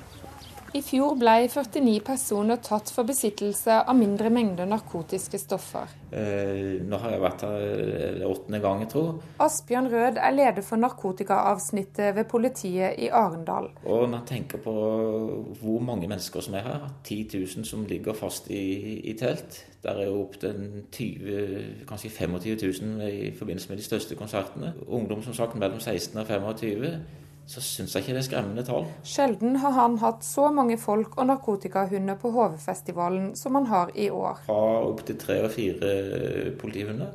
Jeg vil ha disponere mellom 10 og 15 sivile politifolk. Så Sånn sett så er det i særklasse den største i hvert fall sivile innsatsen her i Agder hele dette året. Og sånn har det jo vært de siste årene med HV. HV er den som tar mest ressurser, og det tror jeg også er riktig, i og med at det viktigste for oss det er å være forebyggende. Vi ønsker for all del at ikke HV-festivalen skal bli en plass hvor ungdommen debuterer og begynner på en narkotikakarriere. Jeg syns Asbjørn og alle hans stab gjør en fantastisk jobb. Og jeg legger absolutt til rette for at de skal få gjort best mulig jobb. Benedikte Nilsen er daglig leder for HV-festivalen. Hun sier de samarbeider godt med politiet. Vi tenker jo at vi er en del Alle disse ungdommene som er her, er jo en del av framtida vår, og vi har et felles samfunnsproblem. Og det er jo det vi jobber sammen om og for. Nilsen forstår at pressen er opptatt av de som blir tatt for narkotika, men ønsker seg mer oppmerksomhet om det festivalen egentlig handler om. Nei, vi blir vel egentlig bare litt lei oss, for vi tenker litt at kanskje media burde vært litt mer tydelig på musikk, og vært litt mer stolt av hva vi faktisk klarer å prestere. Det virker jo som at kanskje folk på Sørlandet tror at det er bare på Hovfestivalen det er dette problemet. Dette er et verdensproblem, det er et norgesproblem, det er et sørlandsproblem. Reporter på Hovfestivalen var Miriam Grov, og vi skal til en annen festival. Nights under the trees, we breathe black hole black hole. Together we stereo, soundless messages without a word. We share our little secrets. I think we are. Dette er Emilie Nicolas, et av de norske bidragene på årets utgave av Roskildefestivalen i Danmark. Den åpnet eh, i går kveld. 50 000 kjempet om de beste plassene på festivalområdet. Og Trine Åndal, musikkjournalist eh, i NRK P3. Eh, Bortsett fra Emilie Nicolas, hvilke norske bidrag er det i år? Det er ikke så veldig mange, men det er noen veldig spennende norske bidrag på Roskilde i år. Vi har bl.a. Cashmere Cat, som er på vei til å bli et av de største og mest spennende navnene som på produksjon og elektronikascenen. Han har jobba med veldig mye internasjonale navn, og har også laga helt egen musikk som har fått mye oppmerksomhet, og som er av veldig høyt nivå. Han spiller på Roskilde på torsdag, og det tror jeg kommer til å bli en veldig spennende konsert som kan vise han ut til et enda større publikum enn han så langt har nådd. Og så har vi også Emilie Nicolas, som spiller på warm-up-delen av Roskilde i kveld. Det er jo ikke på hoveddelen av programmet, men allikevel så har hun fått en god spot på plakaten. Og det er en gig som kan bety mye også for henne, for å bli vist frem til et internasjonalt publikum som hun har et stort potensial for å nå ut til. Hvem er hun, for de som ikke kjenner henne? Emilie Nicolas er en 27-åring fra Bærum som lager fantastisk popmusikk med elementer både fra jazz og elektronika. Har holdt en veldig lav profil og så langt bare sluppet to låter, men de er hårreisende bra. Og de gangene jeg har sett henne live, så har det også vært helt nesten utenomjordiske opplevelser. Så det her er en artist som kommer til å gjøre seg veldig gjeldende fremover. Før vi går videre, de fleste er jo kjent med navnet Roskildefestivalen. Kan du si to ord om eh, hvilken plass denne har i musikkinteressertes bevissthet? Ja, det har jo vært en av de eh, viktigste og også den største eh, musikkfestivalen i Nord-Europa i mange år. Det er jo 80 000 mennesker som drar dit, og det har veldig lenge vært sagt at Roskilde er den festivalen flest nordmenn drar på.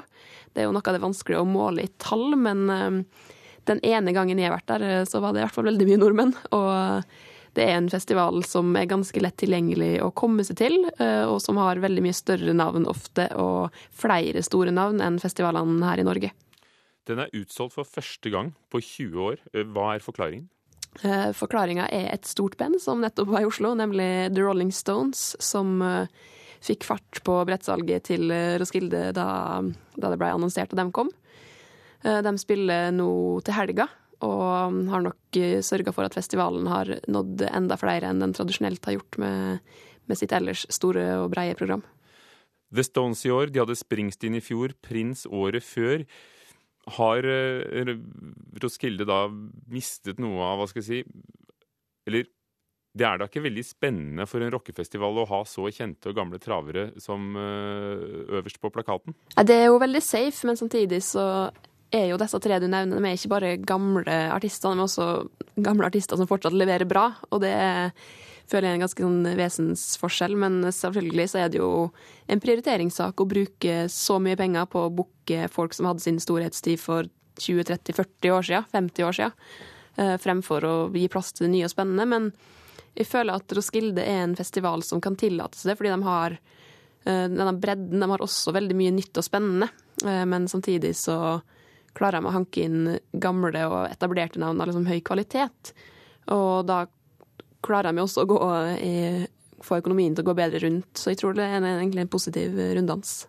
Men kvinner klarer de ikke å booke til, i hvert fall ikke til å sette på plakaten eh, som såkalte headlinere. Nei, de aller største navnene på plakaten i år de har veldig stor sjangerbredde. Det er alt fra R&B og hiphop til, eh, til Rolling Stones, men ikke ei eneste dame har sneket seg inn blant de seks-sju største navnene som står øverst på plakaten og er de største trekkplasterne, og det, det syns jeg er svakt. Eh, Både pop- og rockeverden har nok av bra damer å by på, og skulle tro at dette var noe som det ble satt fokus på også i Danmark, og at, det at de ikke kunne komme unna med det. Eh, Vi har hatt mye debatt om det her i det siste, så jeg syns det er rart at de enten ikke har brukt penger på å få inn noen store damer, eller om de bare som ikke syns det er viktig.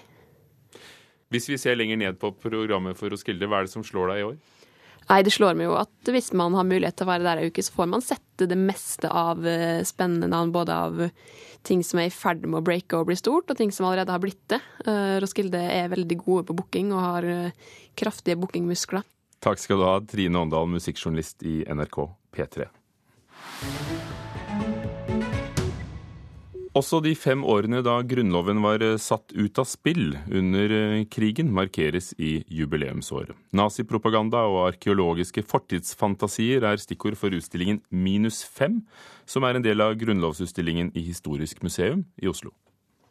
Jeg ble så fascinert av nazipropaganda, hvordan de misbrukte nesten jeg, jeg gikk gjennom alle naziplakatene som ble laget under krigen, og det var nesten totalt basert på vår samling.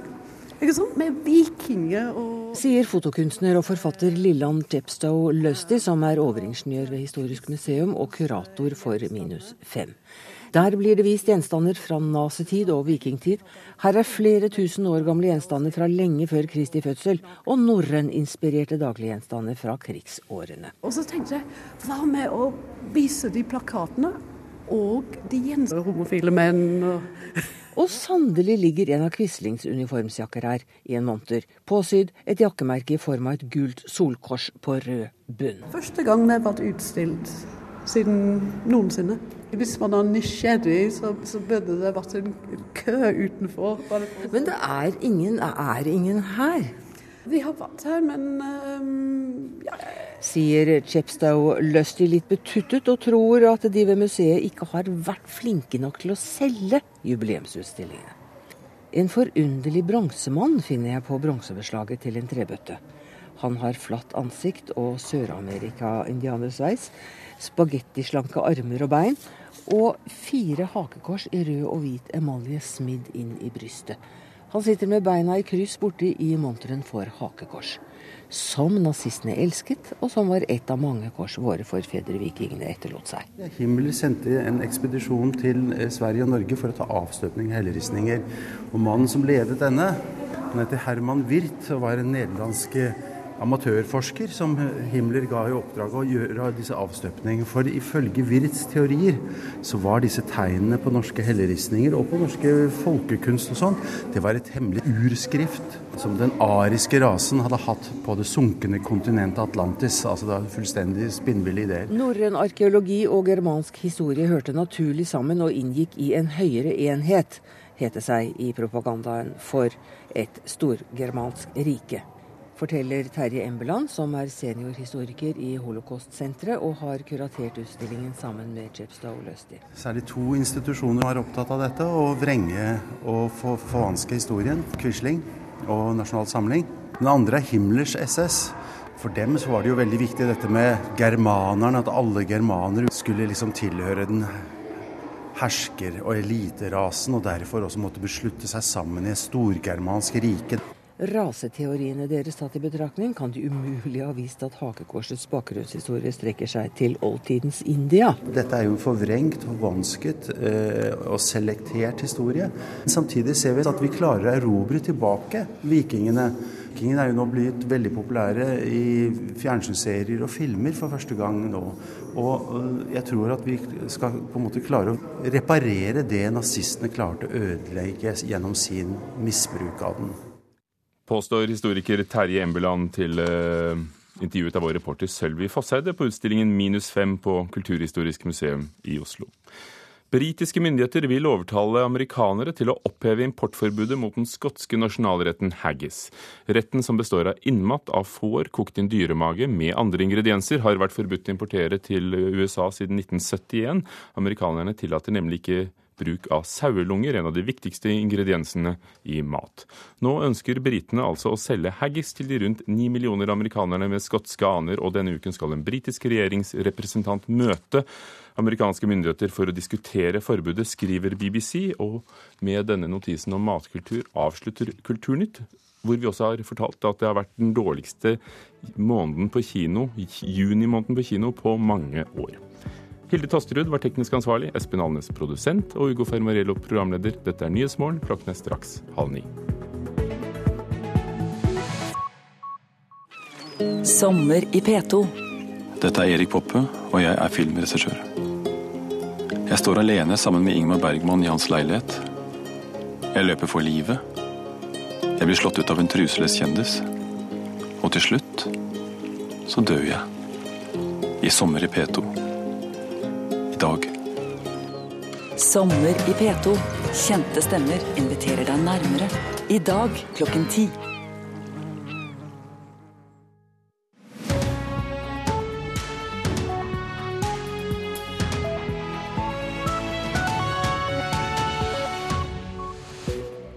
Klokka har passert 8.30. Nyhetsmorgen holder fram med disse sakene. Danninga av en muslimsk stat er drømmen i alle muslimer sine hjerter, sier en talsmann for islamistgruppa ISIL, som nå har bytta navn.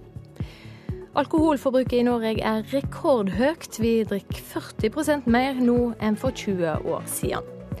Og representanter for flere enn 20 land møtes i Oslo i dag. De skal samle inn penger til det nye grønne klimafondet.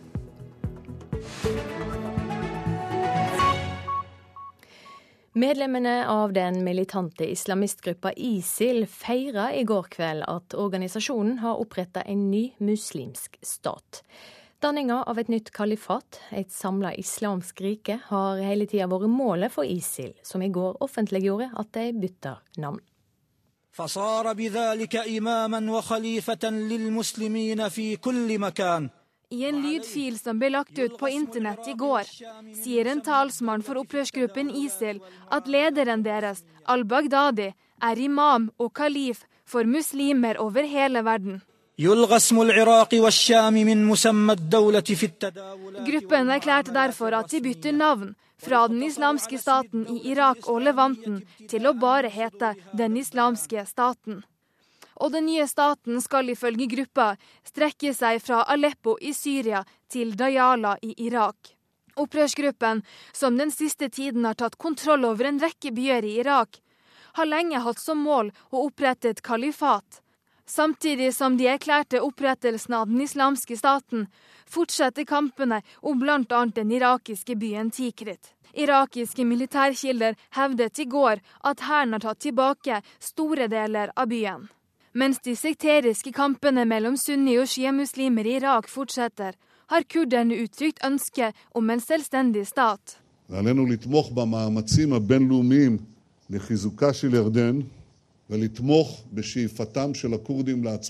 Israels statsminister Benjamin Netanyahu uttalte i går at han støtter opprettelsen av en uavhengig kurdisk stat.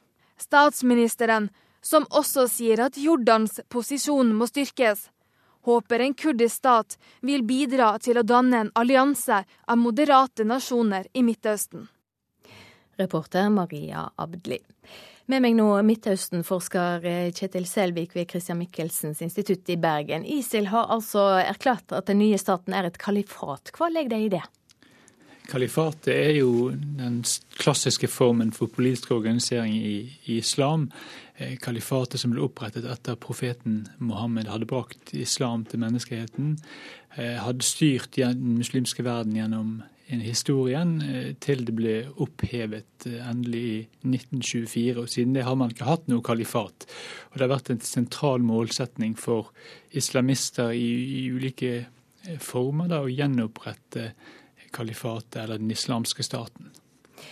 Gruppa hevder altså nå at deres leder er den øverste lederen for alle muslimer i verden. Hva reaksjoner er det kommet på det?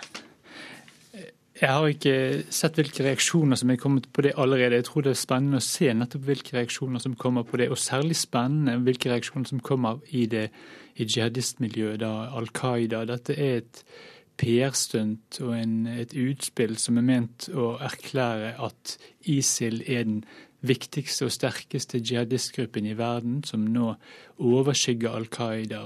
Dette er et, først og fremst et utspill i en intern maktkamp med Al Qaida. Hva gjør ISIL, eller altså eventuelt den islamske staten, som underbygger at de er en stat?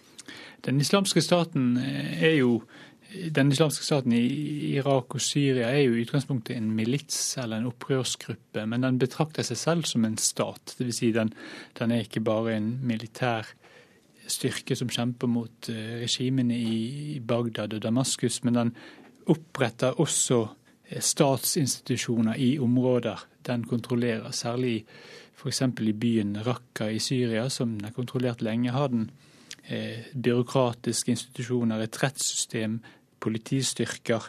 Den gir eh, tjenester, sosiale tjenester til innbyggerne.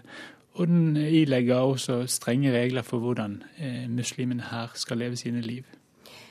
Vi hører jo om masseavrettinger og, og korsfestinger. Hvorfor denne brutaliteten?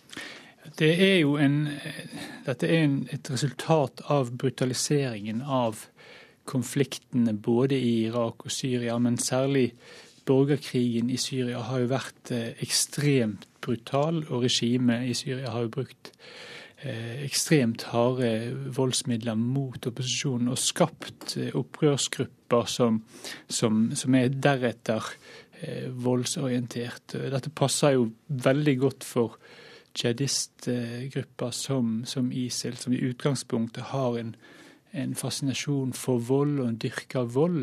De får veldig gode forhold til å, å trives og vokse når både staten faller sammen, bryter sammen, slik den har gjort både i, i Syria og Irak, og man også får eh, så umenneskelige forhold som, som befolkningen her lever under. Vet vi hvor store områder som er under ISIL-kontroll nå? De har nå et, et belte langs Eufrat, et stykke inn i Syria, ned i, inn i, i Irak.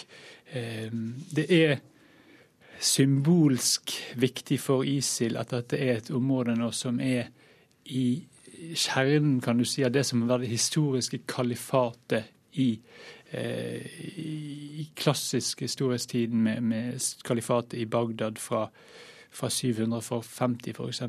Som, som et historisk bilde som man, man lever opp til. Midtøsten-forsker Kjetil Selvik, takk for at du var med oss i Nyhetsmorgen. Vi skal høre at alkoholforbruket i Norge er rekordhøyt. I løpet av 20 år har forbruket økt med 40% viser en ny rapport. Og den dramatiske økningen skyldes i stor grad at kvinner drikker mer og oftere. Et glass uh, rødvin eller uh, fire. Men stort sett ett eller to glass til mat. Én gang i uken ca. Gjennomsnitt. ja. Som regel så deler min mann og jeg en flaske vin. Så da blir det en halv flaske på hver, da. Jeg kan godt ta en whisky hver dag, men det blir den, og ikke noe mer. Stadig mer alkohol til mat og hygge. I dag drikker nordmenn i gjennomsnitt nærmere åtte liter ren alkohol i året, sier Camilla Stoltenberg, direktør ved Folkehelseinstituttet. Det er nok mange som drikker oftere, og så fortsetter vi å drikke mye til fest og i ferier og i utlandet og i helgene. Og på den måten så blir det samlede alkoholforbruket ganske mye større. Den nye rapporten slår fast at menn fremdeles står for det største inntaket av alkohol, men at det er forbruket hos kvinner som har økt mest.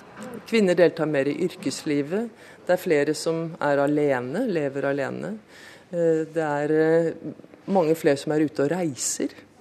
At alkoholbruken i Norge øker, er motsatt trend enn i Frankrike, Tyskland og Spania, som har hatt en nedgang de siste åra. Stoltenberg mener det er på tide med en ny debatt om hva alkoholpolitikk vi skal ha i Norge. Det er jo pris og tilgjengelighet som er viktig. Og selv om alkohol er dyrere i Norge enn i mange andre land, så er det mye billigere reelt sett enn det var for noen år siden. Det har vært veldig sterke trender for å liberalisere, og at det har hatt stort gjennomslag. Samtidig så tenker jeg at det er mange som nå er bekymret et rekordhøyt alkoholforbruk uroer likevel ikke kundene på Vinmonopolet. I dag skal jeg kjøpe en kartong med rødvin som skal passe til en kalvefrikassé. Du, nå skal jeg kjøpe inn til utdrikningslag, så i dag så ryker nok alle. så nå skal jeg kjøpe inn masse musserende og hvitvin. Litt dyrvin bare for moro skyld, for å, for å smake differansen mellom litt rimelig og dyrvin. Den bekymringa deles av KrFs Line Henriette Hjemdal. Når vi drikker opptil åtte liter alkohol per pers i Norge, som da statistikken viser, så gir det noen sosialpolitiske utfordringer. Men Fremskrittspartiets Morten Wold tror ikke en restriktiv alkoholpolitikk er svaret, og trekker paralleller til trafikken. Det er jo sånn at rundt 200 mennesker dør i trafikken, og vi kan jo ikke nekte folk å kjøre bil for det. Så, så det er viktig å ha, ha, to tanker i hodet på en gang her. Og øh, det, er, øh, det, er, fullt mulig å ha en fornuftig øh, alkoholpolitikk uten at den nødvendigvis må legge til rette for et enda mer gjennomregulert og, og bestemmende samfunn. KrF har denne våren vært med på å støtte en regjering som fikk flertall for å øke taxfree-kvoten. Hjemdal liker det ikke. Nei, vi gikk jo da altså mot dette her, for vi vet at syv av og liter av den vinen som vi konsumerer i Norge, den er kjøpt på taxfree-en, og vi tror ikke på det. Vi tror ikke det er trenden å gå. Vi tror heller på Vinmonopolet, som er en viktig institusjon, som er en populær institusjon, som har kunnskap, som har service, som egentlig hele Norge eh, hegner om. Mens Vold er godt fornøyd med mer taxfree. Det er jo ikke den viktigste saken i verden, men det handler rett og slett om å legge til rette for at mennesker kan slippe å forholde seg til litt tungvinte bakstreverske regler. Og dersom en kan ta med seg vin som en kanskje gjerne nyter i stille og rolig i, rundt, rundt grillen i løpet av sommeren, så er det bedre enn at man røyker tobakk.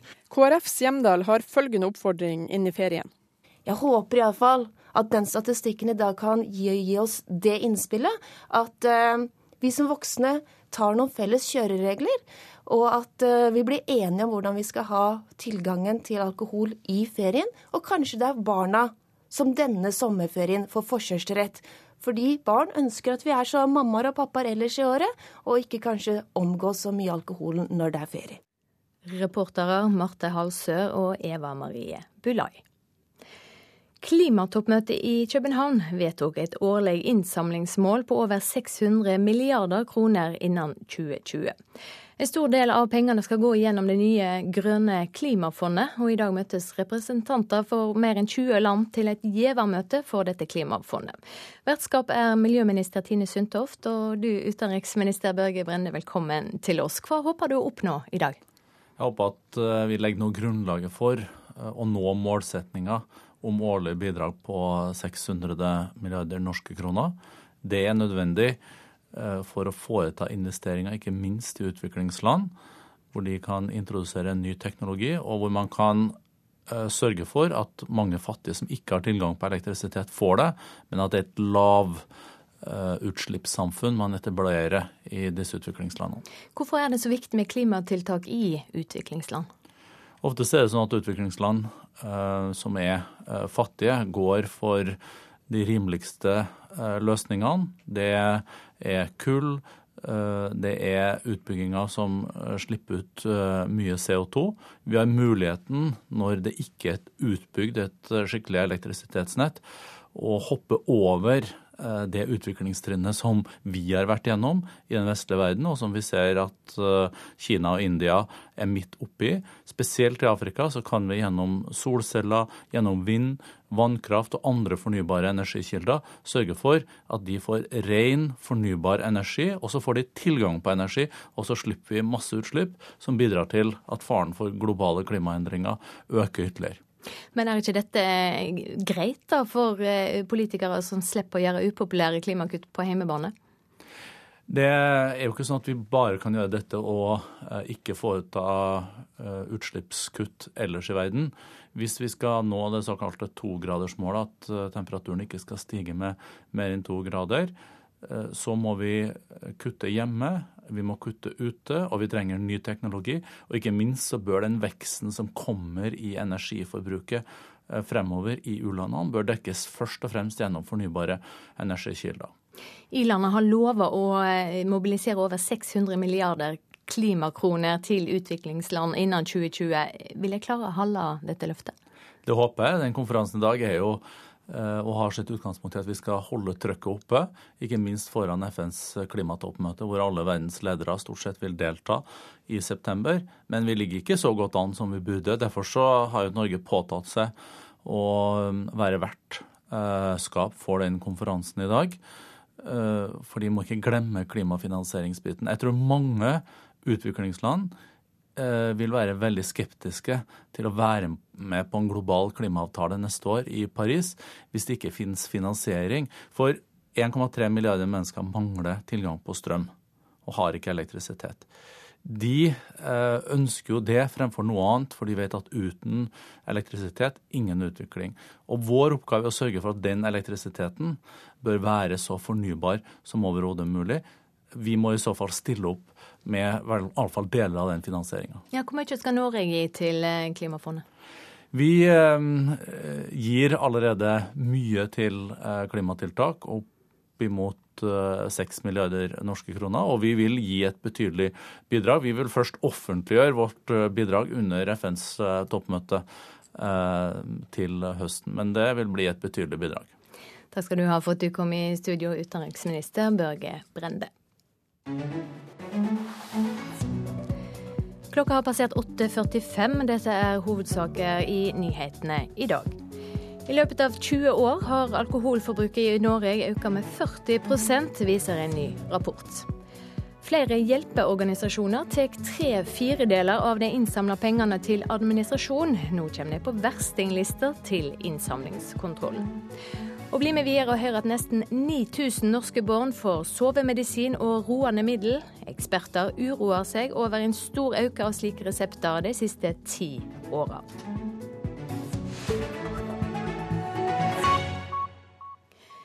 Kronprins Haakon og prinsesse Märtha Louise er de øverste beskytterne for to organisasjoner som nå er på verstinglista til innsamlingskontroll.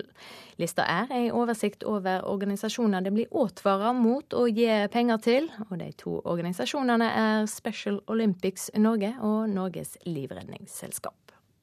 I dag feirer vi også alle de som lever, takket være dere. Da Norges Livredningsselskap i 2012 delte ut heltedådutmerkelser etter Utøya, var det kronprins Haakon som holdt tale, organisasjonens øverste beskytter. Uten deres innsats ville færre overlevd. Trass i kongelig beskyttelse er Norges livredningsselskap fra i dag på oppslista til innsamlingskontrollen.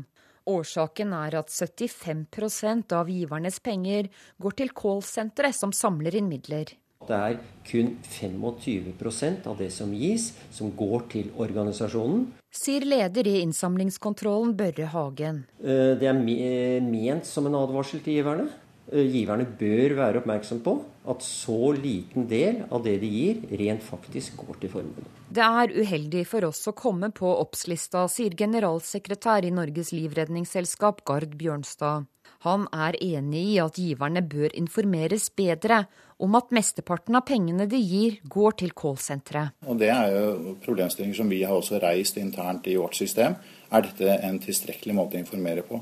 Så Dette er en sak som er under utredning, men vi er klar over at dette er for dårlig informert i forhold til den som sånn sett får disse henvendelsene, og yter viktig, et viktig økonomisk bidrag til Norges livredningsselskap. Også Special Olympics Norge, der prinsesse Märtha Louise er øverste beskytter og ambassadør, har havnet på den såkalte verstinglista med samme begrunnelse. Daglig leder Geir Smeby lover nå kamp mot innsamlingskontrollen vi, vi, kommer ikke til å bare sitte og se på at man kommer på en oppsliste på det grunnlaget man gjør. Og Det kongelige slott har ingen kommentar til denne saka. Reporter Line Tomter. Barnekreftforeninga holder administrasjonskostnadene sine nede på 12,5 Styreleder Marianne Gunnerud sier de er opptatt av å ikke bruke for mye på administrasjon. Vi driver eh, ikke med oppsøkende salg. Det er klart at det koster penger å samle inn penger på den måten. Det gjør ikke vi. Eh, vi er en organisasjon som består av mammaer og pappaer. Som, eh, som, er like personer. Altså, vi har opplevd å få barn med kreft og jobber for å, å hjelpe de. Og vi er frivillige. Vi har et lite sekretariat. Vi har driftskostnader til administrasjon. Men det meste arbeidet foregår frivillig, og vi er en støttepartner for, for familier. Og det har fokus på å holde kostnadene nede? Ja, det har vi absolutt. Og det tror jeg altså det er sånn ektefølt engasjement. altså Vi er veldig opptatt av formålet. Eh, så det tror jeg også preger organisasjonen veldig eh, når vi er en, en likepersonsorganisasjon. Så det er viktig for oss, ja. Hvorfor tror du det er så store forskjeller mellom eh, organisasjonene? Det er klart at det er en kamp om oppmerksomhet, og det er en kamp om, om penger. Eh, for man vil jo gjerne ha støtte til sin sak. Vi også ønsker jo også få inn penger, slik at vi kan eh, bidra til kreftforskning og, og bedre behandling. Og også jobbe aktivt sosialpolitisk. For det koster penger. Men, eh, men det er uansett viktig å, å ha sånn veldig eh, godt forhold til formålsprosenten. Vi skal bruke pengene på det vi har sagt vi skal gjøre. Hva syns du da om at eh, enkelte organisasjoner bruker 75, 75 og kanskje mer på administrasjon? Ja, altså jeg jeg, jeg syns ikke jeg skal mm, dømme de på noen slags måte. Det koster penger som sagt, å, å drive innsamling. Men jeg skulle jo sett at uh, formålsprosenten var, var, høyere. For det er klart at for noen så kan det være slik at uh, å skape en arbeidsplass for å samle inn penger, det, det klinger ikke alltid like godt. I hvert fall ikke her i Norge. 8700 norske barn får sovemedisin og roende middel. Det skriver VG i dag. En gjennomgang i Reseptregisteret viser en stor økning de siste ti åra, og økningen skyldes i stor grad bruk av motemedisinen melatonin, et hormon som ikke er like vanedannende som tradisjonell sovemedisin. Ekspertene advarer likevel sterkt mot denne trenden. Bruken av sovemedisin til barn under 14 år har økt med 72% de siste ti åra, fra 5000 til 8700 barn. Folkehelseinstituttet opplyser at økningen i stor grad skyldes bruken av stoffet melatonin, et hormon som er med på å regulere døgnrytmen. Medisinen blir særlig gitt til pasienter med ADHD, skriver VG. Men sjøl om hormonet ikke har samme bivirknader som tradisjonelle medisiner, advarer Folkehelseinstituttet mot å gi dette stoffet til barn. Det er heller ikke påvist noen god effekt av melatonin på pasienter med vanlige søvnproblem, skriver VG. Reporter Ellen Wiseth. I natt gikk Costa Rica videre til kvartfinalen i fotball-VM etter å ha spilt 1-1 mot Hellas og vunnet straffesparkkonkurransen 5-3. Laget til Costa Rica er fullt av spillere som har spilt eller spiller i Norge. Naturlig nok er det ingen som ønsker en snarlig retur til Skandinavia. Nå skal det avgjøres. Costa Rica er videre til kvartfinalen! En fantastisk straffe! De costaricanske heltene vil naturlig nok ikke hjem ennå. Rosenborgs Christian Gamboa håper det er lenge til han skal tilbake til Trondheim. Så lenge som mulig. Jeg synes vi fortjener å gå til semifinalen pga. gruppen vi var i. Vi setter oss nye mål underveis, og jeg håper å være lengst mulig vekk fra Norge akkurat nå. Tidligere startspiller Christian Bolanjos, som også har spilt under Ståle Solbakken i FC København, føler seg hjemme i Brasil. Vi ønsker å bli her lenge. Brasil har vært fantastisk for oss. Det føles som mitt andre hjem. Vi føler oss bra her, og ønsker nå bare å fortsette med god fotball. Nå venter Nederland i kvartfinalen. Tidligere Kongsvinger-spiller Randall Brennes kom inn som innbytter i går. Han tror det blir langt tøffere mot Nederland. Veldig vanskelig kamp. Fordi Nederland har eh, veldig, veldig gode spillere. Men vi, vi kan gjøre vi, I dag vi, vi gjør en kjempegod match. Og så vi skal gjøre bedre mot eh, Nederland. Reporter Patrick Steen Rolands. Mange av oss glemmer å bruke tilgodelapper og gavekort. Ifølge tall fra Forbrukerrådet har én av ti ubrukte gavekort i skuffa. Klesbutikken Soma i Skien har 85 000 kroner utestående i tilgodelapper, som trolig aldri kommer til å bli brukte. 950 kroner, 1299. De eldste blir ikke brukt, det bare vet jeg. Innehaver av klesbutikken Soma i Skien, Kristin Byrjal Pallesgaard, har 85 000 kroner utestående i ubrukte tilgodelapper. Forbrukerrådet har undersøkt saken, og kommunikasjonsrådgiver Martin Skaug Halsås sier folk glemmer tilgodelapper og gavekort i stort omfang. Én av ti hadde ubrukte gavekort eh, liggende i skuffen. Vi hadde jo spurt eh, et utvalg på 83 000 nordmenn, så man kan tenke seg at det er ganske så store summer dette gjelder. Reporter Solfrid Leirgull Øverbø. Nå skal vi høre at folk eh, vasker badet feil, for sjelden, med for mye og med for sterk såpe. Dette ødelegger spesielt knappene til å spyle ned i toalettet. Ødelagt plast sprer seg i sisterna, og noen må ha rørlegger for å rydde opp. Komfort Reiersen i Kristiansand har stadig kunder som kommer inn med ødelagte doknapper. Det er en eh, trykknapp til en klosett som kan eh, bli litt porøs. Det kan komme av såperester som tærer på plasten, da. Forteller butikksjef Mosta Gulan. Han har jobbet der i 13 år og bekrefter jevn pågang. Han skjønner fort hva som har skjedd, når kundene kommer inn med en plastknapp knekt i biter. De er ganske stygge, støvete og eh, tydelig rester av grønn tørka grønn såpe. Seniorrådgiver Jan Løkslid hos toalettprodusenten Porsgrunn har ikke tall på hvor mange doknapper som er ødelagt, men det er mange nok til at de nå tar tak i det. Dette her har vi nå tatt litt på alvor, og har en kontakt med Lilleborg, som er den største produsenten av vaskemidler i Norge.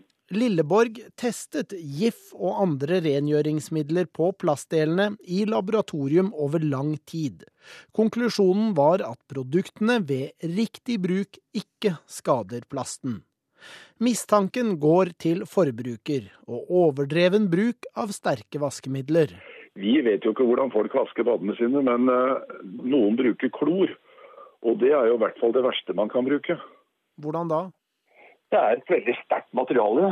Dette gjelder ikke bare toaletter, men også dusjen. Det som veldig ofte skjer, er at man sprayer. Og, og I et dusjkabinett f.eks. så er det veldig mange sånne spalter som kanskje dette vaskemiddelet kan bli liggende gjennom lang tid.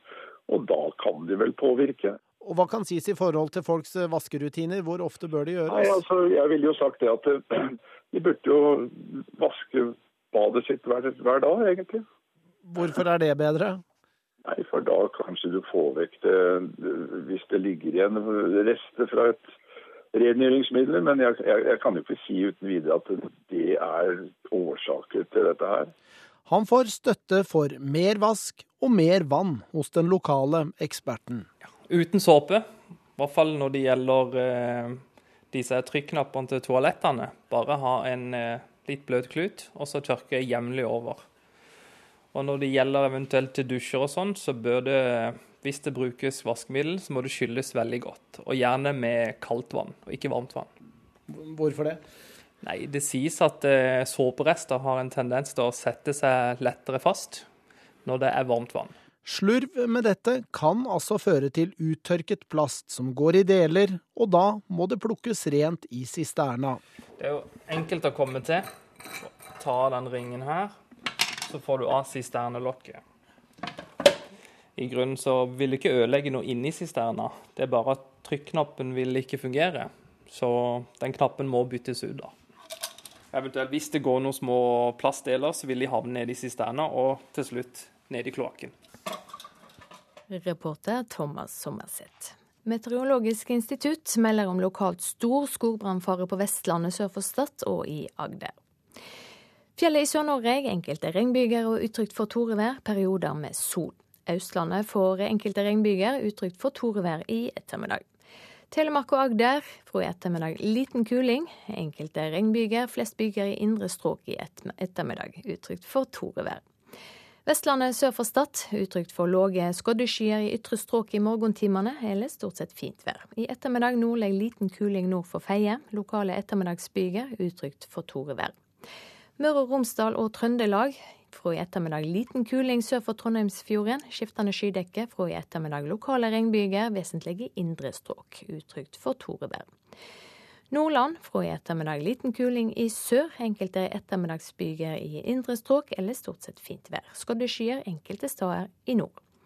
Troms enkelte ettermiddagsbyger i grensestråka, ellers til dels fint vær. Skodde skyer enkelte steder i ytre strøk. Finnmark får enkelte regnbyger i sør og øst, utrygt for torevær, ellers til dels fint vær. Skodde skyer enkelte steder på kysten. Nordensjøland på Spitsbergen skiftende bris, stort sett opphold. Temperaturene målte klokka sju. Svalbard lufthavn åtte, Kirkenes elleve, Vardø åtte, Alta tolv, Tromsø-Langnes åtte, Bodø elleve, Brønnøysund tolv, Trondheim-Værnes elleve, Molde tolv, Bergen-Flesland tolv, Stavanger 12, Kristiansand-Kjevik 13, Gardermoen 10, Lillehammer 9, Røros 8 og Oslo-Blindern hadde 12 grader. Ansvarlig for nyhetssendingene i dag, Gro Arne Berg. Produsent for Nyhetsmorgen, Ulf Tannes Fjell. Tekniker Hilde Tosterud. Skript Elise Øygarden. Og programleder Silje Sande.